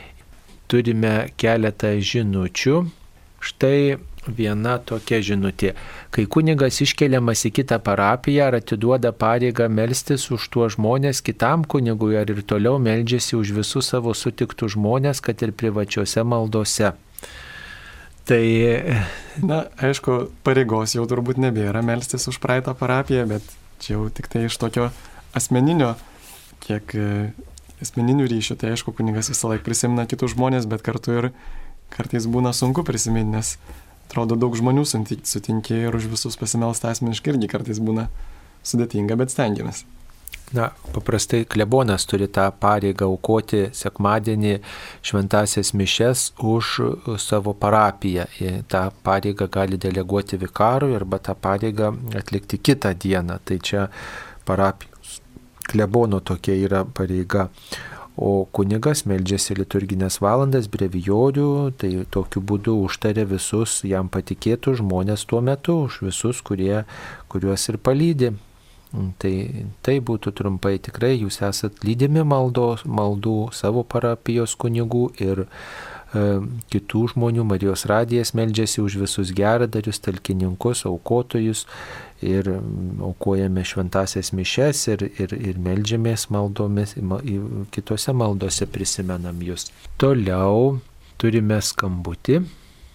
Klausytoja iš telšių prašė perduoti klausimą apie stebuklingas Švento Mykolo sakramentalijas Romoje. Jis girdėjo, kad to, tokios egzistuoja, galbūt jūs žinote kažką apie tai ir kodėl Lietuvoje nepropaguojamos šių relikvijų garbinimas ir iš, išlaisvinimas iš nuodėmių. Na, nieko negalim pasakyti apie e, kodėl nepropaguojamas. Na, tai propaguojamas išlaisvinimas iš nuodėmių, kalbant e, Mykolo Arkangelio maldą, e, kuri yra bažnyčios aprobuota. O save su relikvijom susijęti, mūsų tikėjimą remtis vien relikvijomis truputį pavojinga yra, nes e, visada egzistuoja, reiškia, tų relikvijų tam tikras ribotumas, reiškia, jos yra, kaip čia pasakyti, na, vis tiek tas žmogiškas faktorius relikvijos, reiškia, žmogaus, žmogaus įsikišimas yra relikvijose visada tas. Ir dėl to mums apriboti save vien relikvijomis būtų truputį ribota. Mūsų tikėjimas yra daugiau negu relikvijos, negu ženklai. Mes tikime Jėzaus žodžiu, tikime Jėzaus asmeniu, Jėzaus veikimu, tikime šventosios dvasios veikimu. Ir Dievas, kuris dovanoja mums relikvijas, jisai dovanoja ženklus, kurie padeda mums, bet anaip tol me, nu, nesutelpa mūsų tikėjimas vien tik relikvijomis. Mūsų tikėjimas yra kur kas giliau, kur kas intimiau ir kur kas daugiau. Va čia yra tokia istorija, Va- Vatikaninių svetainėje. E, Sako, pasak tradicijos, 493 metais vienam vyskupui Kalno laje pietričių Italijos Gargano kišulyje apsireiškė Arkangelas Mykolas. Ta vieta pagarsėjo kaip Švento Angelo kalno šventovė, vienas vieniausių šventovų dedikuotų Šventam Mykolui Arkangelui. Ir pasakojame, kad tada Angelas pasakęs vyskupui, aš esu Arkangelas Mykolas, išsirinkau šią vietą gyventi ir saugoti, tau nebūtina konsekruoti šios bažnyčios, nes aš ją pašventinau savo buvimu. Citatos pabaiga ir legenda pasakoja, kad tame viename akmenyje įsispaudė Mykolo pėdą ir pagal tradiciją, pasak tradicijos, po tūkstančio metų Arkangelas Mykolas vėl pasirodė šventovėje ir taip toliau.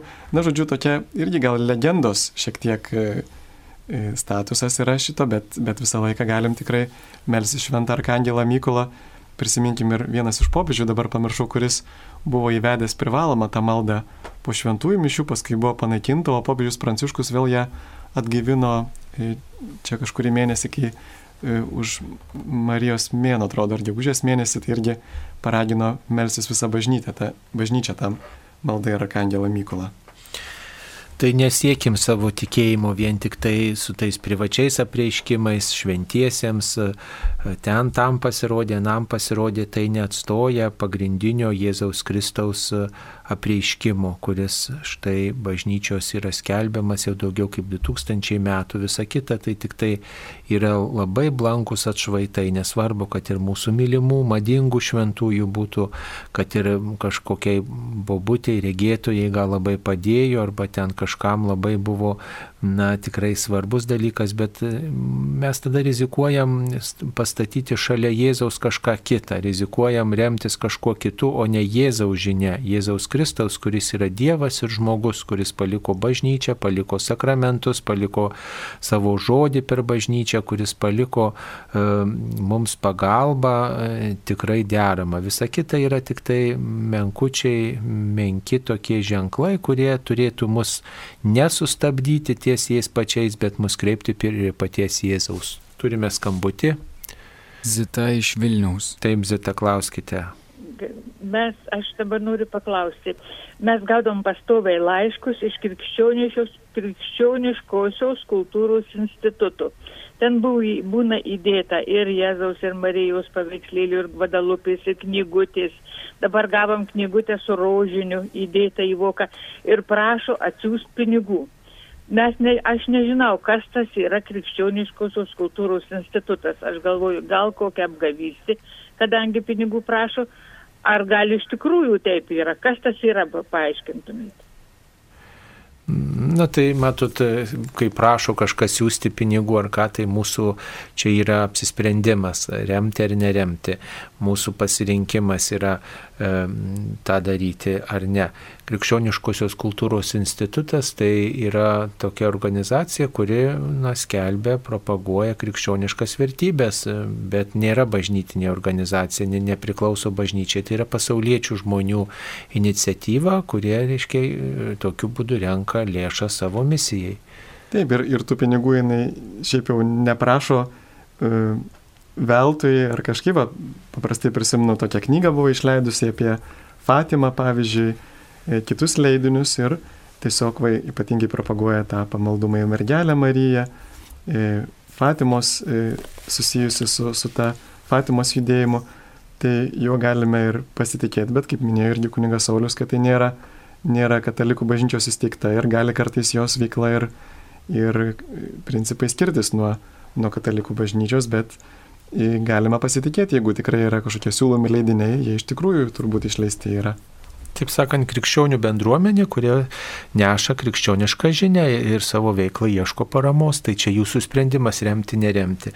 Bet tai nėra kažkokia sekta, nėra kažkas, kas, kas būtų priešiška vat, ar destruktyvu. Taip. Visada kalbama, kad Dievas gailestingas, tai už ką patenkama į pragarą. Toks yra klausimas. Taip, Dievas yra gailestingas, bet ir teisingas. Taigi, Dievas yra gailestingas tam, kuris gailisi, kuris gailisi, kad blogą padarė ir kuris pasitikė.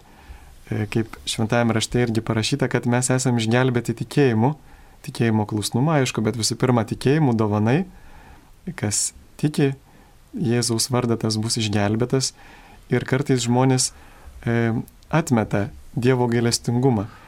Mes irgi negalim žinoti nei kas, nei kiek ten eina į tą pragarą, kiek, e, bet aišku, yra tokių irgi bažnyčios pripažintų privačių apreiškimų, kada e, na, bandyta praskleisti tą uždangą. Va, pavyzdžiui, Fatimo irgi mergelė minėjo, Marija minėjo, kad štai yra daug žmonių, kurie patenka į pragarą ir prašė žmonių, kad ypatingai tų vaikelių, kuriem apsireiškia melstis už nusidėlio atsivertimą, už jos aukotis, kad ten nepatektų.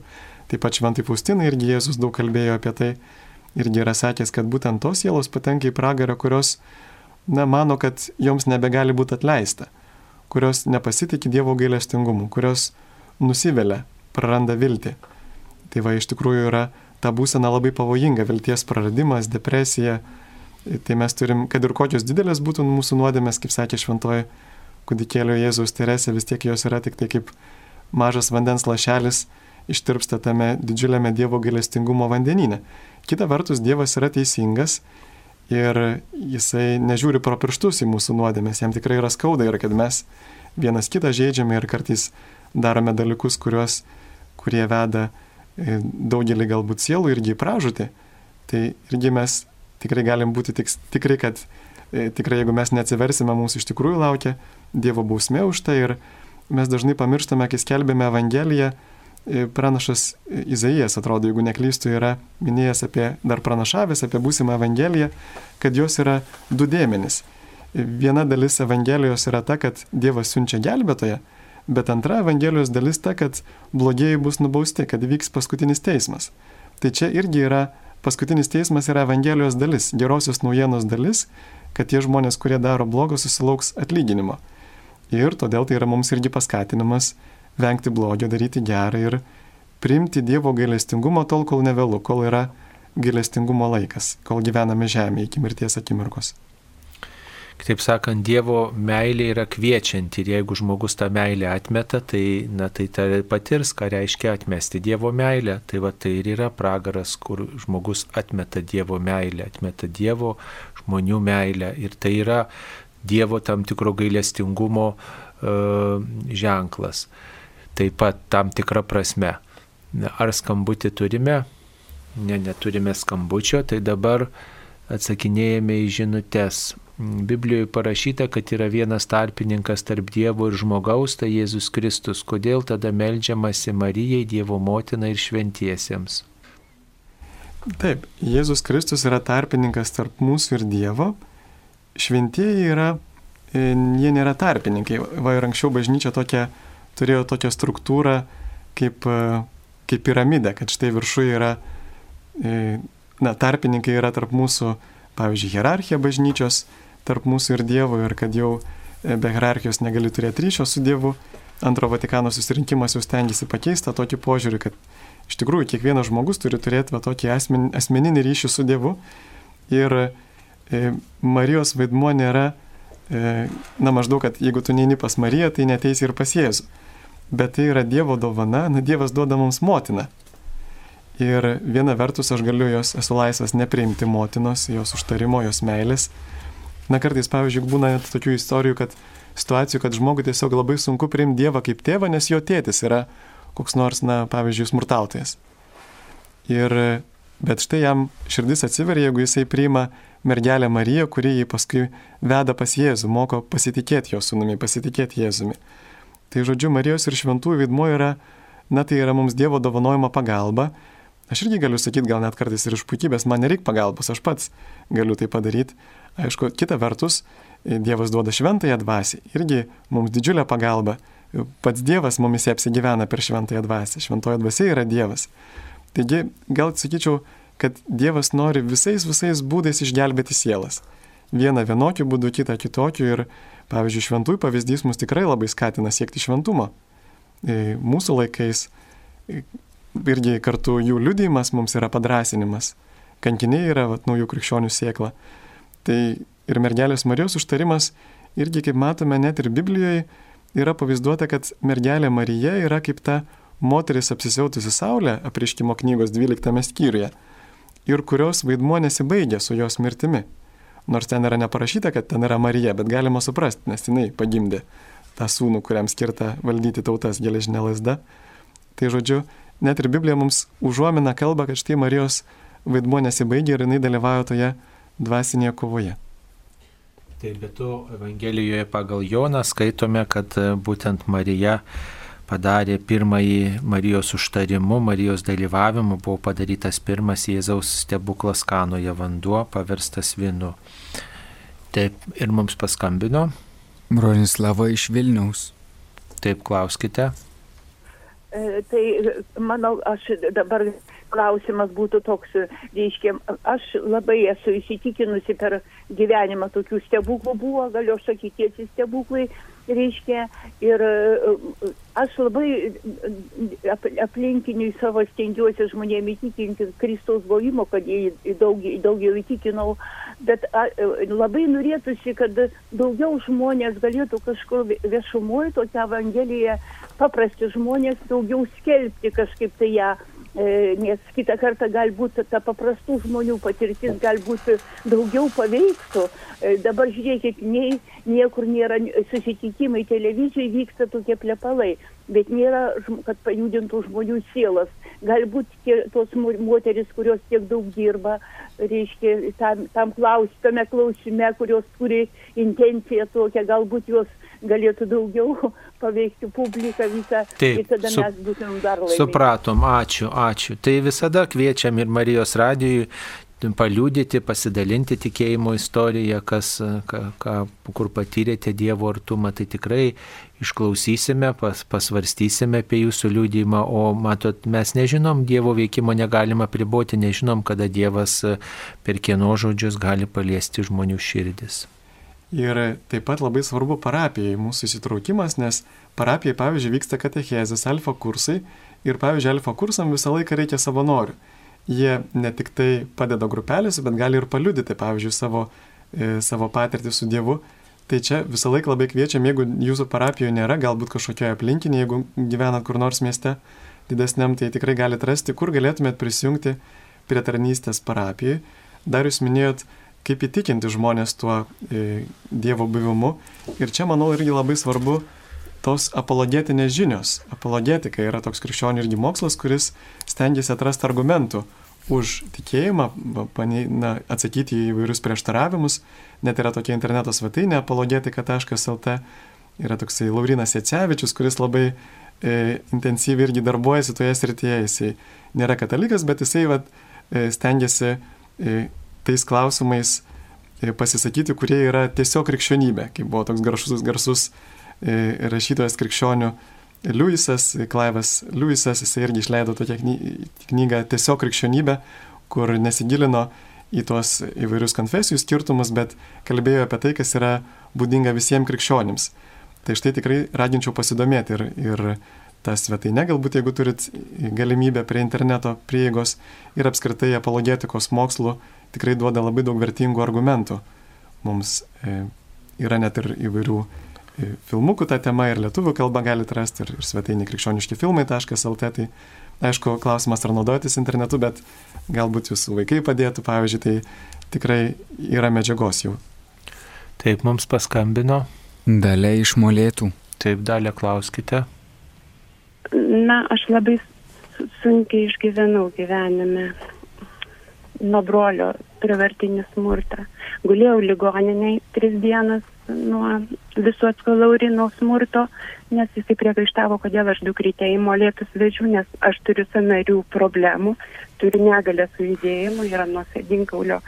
Prieš tris metus patyriau traumą, tai nuo sėdinkaulio nuplyšę visiškai sausgislės, susispaudus visą laiką vaikšto šlaunį. Tada aš gulėjau ligoninėje po smurto ir man išrašė siuntimą prieš naujus metus, 18 metų, vakare į Santariškį Vilniaus ligoninę. Parvežė mane dukra namo ir aš ruošiausi išvažiuoti į Santariškis. Išeinu į lauką, mano brolis šalia gyvenantis atsidaręs mano mašinos kapotą. Aš labai nustebau, bet taip ramiai uždariau, pasisekė man uždaryti kapotą, atsisėdau į mašiną, užsikūriau, užsidariau duris, užsikūriau jau, jisai pribėgo, atidarė duris, griebė už raktelių, aš tada raktelį suspaudžiau į savo ranką, vieną kitą spaudžiau. Tada Na, atsiprašom, bet gal tikrai va čia, čia reikėtų gal kreiptis va ir į socialinį darbuotoją ir, ir kažkur gal net ir į teisės saugą. Galbūt nereikėtų va viešai tų visų detalių pasakot, bet galbūt jūs turite irgi kažkokį tai ar, ar klausimą, ar pasidalinimą, va, kas link liečia apie santykių su Dievu. pargriovė, uždavo nugarą, laužė nugarą. Tai ačiū už pasidalinimą, tikrai daug paguodos jums jūsų gyvenimo kelionė ir linkime, kad viešpats padėtų surasti tinkamą sprendimą. Ir prašysim Marijos radio klausytojų irgi už jūs pasimelsti. Taip, tikime, kad Jėzus yra švenčiausiame sakramente. Šiuo metu labiau tikima dezinfekcinių skyščių, koks viešpačių yra sostas dezinfekuotoje rankoje. E, Vėlgi, čia nereikėtų gal labai sureikšminto komunijos prieimimo būdo. Aš kažkada ir pats buvau tokį lankstinuką gavęs ir jo labai įtikėjęs, kaip ar nesvarbu, kokiu būdu priimame Euharistiją. Ten buvo labai argumentuojama, kad jeigu nepriimsi komunijos atsiklaupęs ant liežuvio, tai netgi gali patekti į pragarą. Ir paskui vėliau nusprendžiau patikrinti va to lankstinuko šaltinius. Pavyzdžiui, net buvo vienoje vietoje rašoma, kad motina Teresė yra pasakiusi, kad štai didžiausias šių laikų blogis yra e, nepagarbus komunijos prieimimo būdas. Pasidomėjau, pasirodo, net motinos Teresės seseris e, liudija, kad niekada motina Teresė to nėra pasakiusi. Apie komunijos prieimimo būdą net yra nuotrauka internete, kur pati motina Teresė priima komuniją į rankas. Taigi vėl kitas buvo toksai, e, vėl įvairių kitų liūdėjimų iš apsiriškimų, kurie bažnyčios pripažinti kaip neantgamtiniai, kaip žmonių apgaulė, iš įvairių žmonių, kurie susikompromitavę. Taigi mes turim būti labai atsargus, vad, tokiems, gal nesakyčiau, čia būtent ir kyla iš tokių privačių apreiškimų, kurie yra bažnyčios ne tik, nepatvirtinti, bet ir paneigti. Ir kurie labai klaidina žmonės, e, kelia tokią baimę, kad štai jeigu tu neprimsi komunijos atsiklaupęs ant ležuvio, tai gali patekti į pragarą. Tai tikrai yra netiesa. Ir čia labiau turėtume būti klusnus bažnyčiai ir E, aišku, na, klausimas tikrai, kaip čia mes pagarbiau galim priimti, bet dabar tiesiog yra tokia situacija. Bažnyčia Lietuvoje nėra įvedusi iki šiol prieimimo į rankas, gal labiau dėl piknaudžiavimo, nes žinot, yra, pavyzdžiui, įvairių satanistinių sektų nariai, kurie siekia na, pasimti švenčiausią sakramentą, jį išsinešti, išniekinti, pardavinėti brangiai juodoje rinkoje. Tai va dėl šitų priežasčių bažnyčia irgi neįveda ėmimo į rankas, bet šiuo metu yra įvestas tas ėmimas į rankas vien dėl tos pandemijos. Tikėkime, kad jau greit bus atrasti vaistai, vakcina ir galėsim vėl e, priimti pagal savo sąžinę, pagal savo laisvę. Jei nusprendžiate vis dėlto nepriimti į rankas, tai tada galite tarp tų priimančiųjų likti eilutės pabaigoje ir priimti į burną tą švenčiausiai sakramentą, kurį kunigas dalina. Tai tikrai tai yra paklustimas ir tam tikroms valstybėms, valstybės e, specialistų e, pasiūlymams, e, kaip mums saugotis nuo, nuo to viruso ir tiesiog mes nedemonstruojam savo puikybės, savo išmanimo, savo, savo tokio bebaimiškumo, bet pagarbiai elgiamės ir išmintingai elgiamės šitoj vietoje. Tikrai pagarbą išsaugom. Tai e, skystis tikrai ne, ne dezinfekcinis skystis, nu, nuvalytos rankos tikrai ne, nesuteikia išniekinimo pavojaus Jėzui, daugiau pavojų išniekinimo, išniekinimo pavojų suteikia mūsų nuodėmės, mūsų puikybė, mūsų, mūsų nemailė. Taip atsakyti. Jėzus ir kalbėjo, kad sako, žmogus sutepa ne tai, kas į jį patenka, bet tai, kas išeina iš jo vidaus, iš jo širdies. Tai va turėtume irgi atkreipti šitos Evangelijos žodžius dėmesį. Taip mums paskambino. Irena iš Kauno. Garbėsiu Kristui. Per amžius. Aš kartą per Marijos radiją išgirdau, kaip pasakė, reiškia, vienas pranešėjas, kad stebuklai vyksta ir dabar, ir, ir, ir tokie smulkus, ir nedideli, tačiau mes jų, juos nekreipiam dėmesio ir jų, ir jų neįvertinam. Ir aš maždaug taip pat tokios pačios yra nuomonės, tai man būtų labai įdomu išgirsti jūsų, jūsų nuomonę ir aš noriu pasakyti, pavyzdžiui, vieną tokį savo pavyzdį iš gyvenimo. Aš prieš penkis metus susilaužiau koją. E, ir turėjo būti daroma operacija. Mano amžius yra garbus, širdis labai prasta ir aš, ir aš nesitikėjau, kad aš e, atlaikysiu tą operaciją. Todėl aš paprašiau savo namiškių, kad man pakviestų kunigą ir, ir jisai atėjo, meldėsi, palaimino ir davė paskutinį patepimą. Ir man operacija pavyko labai gerai be jokių komplikacijų, gyjimas taip pat buvo greitas ir greitai atsistojo ant kojų. Ir kai kurie net gydytojai sakė, nu čia kaip ir mažas stebuklas. Tai aš dabar vat ir norėjau paklausti, ar čia tikrai galima buvo paskaityti, kad čia yra kaip mažas stebuklas, ar čia tiesiog Dievas išklausė mano maldos. Todėl, kad aš prieš operaciją, aš Dievo neprašiau, bet aš maldavau sakau, viešpatė gelbėk, aš skestu. Taip, ačiū Jums, ačiū, supratome. Iš tikrųjų, tai gali būti tikrai Dievo veikimas ir galų gale net ir mūsų, žinot, ir, ir psichologiniai dalykai irgi, kai kurie, pavyzdžiui, mūsų toks nusitikimas, e, savitega irgi gali paskatinti mūsų tas organizmo jėgas greičiau su, na, labiau aktyviau, geriau veikti, bet, pavyzdžiui, savitaiga niekada negali, tarkim, atstatyti to, kas yra suirę, sužeista. Pavyzdžiui, Lurdė yra buvo tokių stebuklų, kur žmogus tiesiog, na, pavyzdžiui, vienas žmogus buvo e, visiškai sutrinta koja, jie tiesiog net kaulai buvo išimti, jinai, na, buvo kaip maišas kaulų ta koja. Ir staiga, e, kada jis buvo, nu, nu, pats nukeliavo į Lurdą, staiga įmerkęs vandenį į koją, ištraukė visiškai sveiką. E, viskas akimirksniu sugyjo. Tai va čia yra tikras stebuklas ir, pavyzdžiui, Lurdė dar yra e, vienas dalykas, kodėl palyginti nedaug yra tiek atvejų pripažįstama stebuklingis, va tik tai 70 dabar yra atvejų, nors pranešame apie net tūkstančius, kada žmonės tikrai pasveiksta, nes būtent yra viena labai griežta sąlyga, kad stebuklu bus pripažinta tik tai tas atvejis, kada, aišku, kas įvyko staigiai, iš karto visiškai negrįž, na, išliekančiai, bet kartu tas atvejis, kuris nebuvo gydytas. Tai va šiais laikais, kadangi yra medicina irgi e, visur naudojama ir žmonės yra gydomi, todėl vien dėl šitos priežasties Lurdė negalėjo būti pripažinta tiek daug stebuklų, kiek ten iš tikrųjų galbūt įvyko. Tai ir jūs atveju, jeigu jūs jau buvote gydyta, tai griežtai negalėtų bažnyčia to pripažinti kaip stebuklą, bet aišku, e, pagal savo normas. Bet aišku, tai tikrai gali būti ir Dievo pagalba. Taip, dėkokit Dievui už visą tai, ką Jisai padaro, ne tik tai tokiu ant gamtiniu būdu, bet taip pat ir per kitų žmonių širdis, rankas, per, per, per visų mūsų gyvenimo istoriją. Tikrai padėkokit Dievui už visą tai, kas vyksta ir tikrai, ar tai bus stebuklas ar nebus, jūsų tikėjimas sustiprės ir ramybės, taikos bus širdyje daugiau. Ar privaloma duoti dešimtinę? Štai toks klausimas yra, ar privaloma. Tai nėra privaloma griežtąją prasme duoti dešimtinę, tiesiog yra toks, tokia tradicija gyvavusi, protestantiškos bendruomenės tą turi, katalikų bažnyčioje yra laisva auka, tiek kiek galiu, tiek ir paremiu. Nebent bendruomenė sutarė, kad mes visi prisidėsim vat, tokią auką prie vieno ar kito projekto. Taip. E, sekmadienį švesk, trečias Dievo įsakymas, ar nebus nuodėmė, jei sekmadienį švesiu sekmadienio išvakarėse. Ne, nebus nuodėmės. Žinoma, sekmadienį nereikėtų labai didelių darbų dirbti, nebent yra mm, kažkas netidėliotino labai svarbaus, skubaus, ką reikia atlikti, bet sekmanis skirtas tokia atgaivai, poilsiui, bendravimui su savo artimaisiais.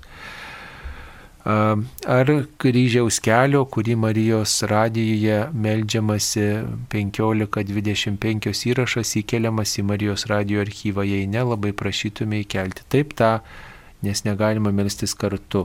E, taip, e, ją į, į tą maldą įkelsime, įkeliame į archyvą ir tada galime melstis ir vėliau apmastyti kryžiaus kelią, jeigu tokių galimybių 15 valandą neturite po 15 valandos. Matot, mes tiesiog skaitome dienoraštį ir ten, reiškia, Faustinos toks yra patyrimas, kad Jėzus štai kviečia ją prisiminti, apmastyti kryžiaus kelią. Tai kartu norime prisiminti šitą seną bažnyčios praktiką, apmastyti kryžiaus kelią, kuri dabar e, ta praktika tokia yra nu, šiek tiek nuslobusi, pamiršta, na tai tiesiog būdas mums išgyventi taip pat tai, ką kentėjo Jėzus, prisiminti ir įprasminti taip pat ir savo vargus, savo kančias.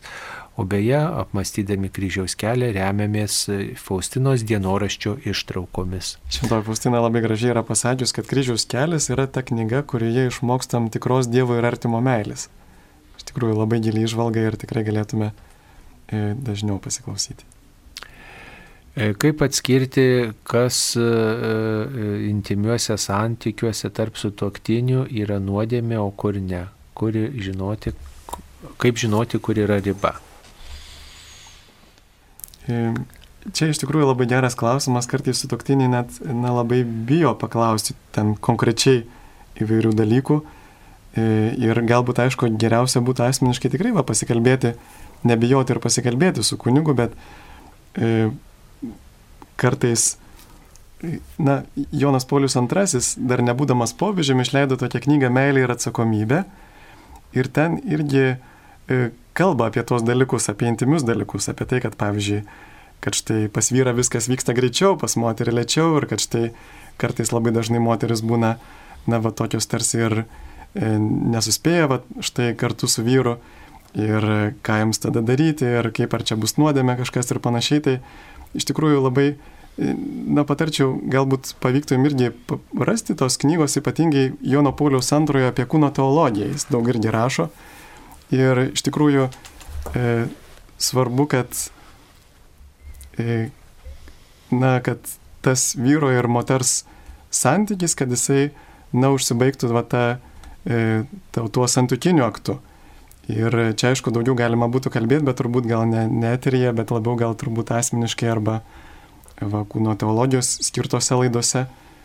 Ir e, tikrai rekomenduočiau labai šitą knygą Meilė ir atsakomybė paskaityti. Taip, mums paskambino. Paskambino Ona iš Lasdyjų. Taip, Ona, klauskite. Garbėjai Jėzui Kristui. Per amžius amen. Aš nu, noriu paklausti tokio klausimo. Išjunkit Marijos radio, šitą radio aparatą. Ge- Gerai, gerai, gerai. O, ačiū. Taip, išjunkit. Esu 80 metų, bet vairuoju dar būtinai kaip reikia lengvą mašiną. Labai svaigsta galva, e, atminties neturiu, vaikščio toli negaliu ir į bažnytėlę retai einu, ne kiekvieną sekmadienį. Ir, ir šitą meldžiuosi kasdien su Marijos radija rožinį, meldžiuosi, kai būna mišos. Tai aš noriu paklausti, ar aš, ta šita mano nuodėmė yra tinginystės, ar man dievulis jų užskaitys ir aš galiu toliau taip melstis. Jau padariau dvi avarijas važinėdama ir lyg tai bijausi, kadangi galiu dar ir kitą žmogą sužalot. Labai noriu paklausti, kas man daryti, ar melstis namuose, ar važinėti, rizikuoti, važinėti. Taip, ačiū, ačiū už jūsų rūpestį, mėloji, tuoj pasak, atsakysime. Aišku, dėl važinėjimo, tai jau tikrai, jeigu svaigsta galva, turbūt reikėtų šitos minties atsisakyti. Jau geriau tą mašiną kokiam savo anūkai palikti, bet e, galėtumėte tik visą laiką paprašyti kitų, juk ir dabar taksi nėra labai brangus paprašyti, pavyzdžiui, kad nuvežtų ar pažįstami kažkas tai. Bet aišku, pandemijos metu tai e, tikrai nėra nuodėmė, kad nedalyvauti ir apskritai ligonėms, kurie negali ateiti bažnyčią, tai nėra nuodėmė neteiti bažnyčią. Bet ir patys žmonės liudija, kad jiems daug didesnis džiaugsmas, va tikrai susitikti su Dievu, priimant komuniją, susitinkant su bendruomenė, tai kartais iš tikrųjų galite galbūt atrasti pagalbininkų, kas jums padėtų atvykti, bet aišku, automobilį vairuoti jau turbūt būtų nuodėmė tokioje būsenoje. Na, bet to galbūt pamėginkite vis dėlto, jeigu sveikata, sveikata jums ne, ne, tiesiog neleidžia kiekvieną sekmadienį dalyvauti šventose mišiuose, pabandykite skambinti parapijos klebonui ir, ir paprašykite, kad komunija jums atneštų į namus, juk dabar yra net ir, reiškia, tie vadinami ekstraordinariniai komunijos dalintojai, kurie gali nešti komuniją ligonėms ir e, gal ir tam jie ir skiriami ne tik tai, kad mišiuose ten padėtų kuo greičiau komuniją išdalinti, bet taip pat ir tam, kad galėtų e, štai nunešti švenčiausiai sakramentą sekmadienį arba sekmadienio išvakarėse, nunešti e, na, tiem žmonėms, kurie dėl įvairių priežasčių negali ateiti. O šiaip tai bent kažkaip bandykite, kad e, vis tiek e, bent retkarčiais gal kažkas iš jūsų artimųjų, kaimynų, giminių ar, ar, ar reiškia, parapiečių galbūt yra tokių, kurie gali, reiškia, vairuoti, kurie sveikesni ir kad jie tiesiog jūs nuvežtų. Yra tikrai galima gal kažko, kažkokiu būdu šitą problemą irgi spręsti. Bent retkarčiais tada atvažiuokite. Tikrai ne, neskubėkim pasilikti savo kambarėlį. Aišku, čia karantinas, pandemija buvo, bet bet vis tiek žvelkim taip pat ir su tokiu ilgesiu troškuliu, trokštų mišių, trokštų gyvo dalyvavimo ir, ir ieškokim būdo tikrai, kaip galėčiau dalyvauti ir nugalėti iškilusias kliūtis va, ir dalyvauti gyvai. Tai tas yra svarbu mūsų krikščioniškam tikėjimui. Taip, dar turime vieną žinutę. Kaip patikti Jėzui? Štai toks klausimas. Patikti Jėzui.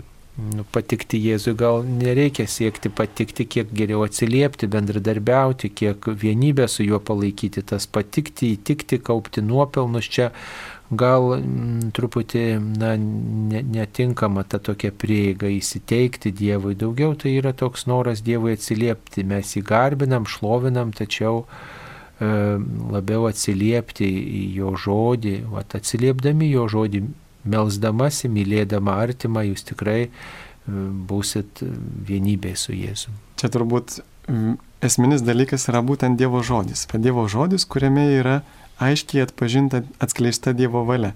Mes kartais irgi ieškom, ko Dievas nori iš mūsų, kad gal Dievas man galėtų kažkaip apsireikšti, pasakyti, bet juk Jėzus viską yra pasakęs Evangelijoje, kas tikrai gali mus atvesti šventumą. Ir štai yra didžiulis mūsų apsileidimas, jeigu mes neskaitom Evangelijos, neskaitom švento rašto. Tai Jėzus pats yra sakęs, kad jam patinka tik tai tie, kurie vykdo Dievo valią, kurie ne tik klausosi Dievo žodžio, bet ir vykdo. Net neseniai buvau radęs tokią švento Arso klebono citatą, kad Dievui melesni yra tie, kurie klausosi Dievo žodžio ir jo vykdo, negu tie, kurie tik priima šventąją komuniją. Jisai komentavo tą vietą, kur Jėzus, Jėzui sakė, štai palaimint, Marijai sakė, kad štai palaimintos, tai yra Jėzui, kad palaimintos iščios, kurios tave nešiojo, o Jėzus atsakė dar labiau palaiminti tie, kurie klausosi Dievo žodžių ir jo vykdo. Taip mums paskambino. Emilija iš Šiaulių. Taip, Emilija, klauskite. Garbėjus į Per amžius. Mane domina labai toks klausimas dėl bažnyčios lankymo. Dabar po karantino esu rizikos grupėje, išbuvau ilgai, bet dabar, nu, retkarčiais turės galimybę ir labai noriu į bažnyčią nueiti priimti, mm, atlikti išpažinti. Bet, nu, man viskas labai aišku, gražiai išaiškinta, kaip žmonės turi koronaviruso saugotis, kaukės atstumą ir viskas. O kaip įėjus į klausyklą reikia, žodžiu, žmogui apsisaugoti, kada jis eina vienas po kito, patalpėlė maža, prie to paties langelio visi trinasi. Taip, supratom. Supratom. Nu tai galite kviesti kunigą į namus, atvyks kunigas, jūsų parapijos kunigas, paskambinkite ir atvyks į namus ir nereikės jums bijoti, kad štai gal bažnyčioje jūs ten, nu vat, visi žmonės ten eina. Be to e, galite su kunigu susitarti po mišių Zakristijoje, ne, išklausysis jūsų išpažinties. Net ir laukia gali Ir išklausyti. laukia gali išklausyti, jeigu jūs bijote, žodžiu, tai čia įvairūs sprendimai. Tikrai neteko girdėti, kad kažkas ten dezinfekuokit rankas ir, ir, ir tikrai mm, su kaukia būkite ir ten tikrai ne, bus viskas gerai. Tikrai ten yra ir, ir apsauginė plėvelė uždėta klausykloje, tai tikrai viskas mm, rūpinamasi tuo. O jeigu jums te kelia nerima, tai išnaudokite va mūsų paminėtus būdus anksčiau. Taip. e, Dar toks klausimas, ar reikia kokią maldą sukalbėti po palaiminimo? Po palaiminimo. Po mišių, ar ne? Taip, tikriausiai po mišių, na tai jau yra gie, pabaigos giesmė, mišiuose gėdama, e, tai tada gėduoti tą giesmę, tiesiog padėkoti Dievui už tai, kad jis atėjo pas jūs, apsilankėt, e, apsilankė vienybę su juo išgyveno, tiesiog padėkokit, pagarbinkit dar kartą švenčiausiai sakramentą, na ir tada jau keliaukit namo arba kažkokiuose bendruomenėse veiklose dalyvaukite. Šiaip jo, ir, ir yra ir maldaknygėse tų maldų po komunijos ir, pavyzdžiui, kunigų yra maldos ir prieš ir po, po mišių, tokios visai nemažai jų.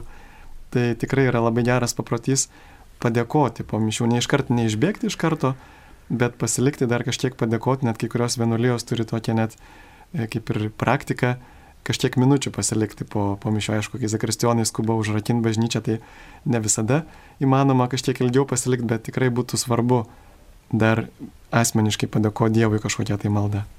Taip, tai tiek suspėjome atsakyti šioje laidoje, mėly Marijos radio klausytojai, jūsų klausimus į likusias žinutės atsakysime kitose laidose.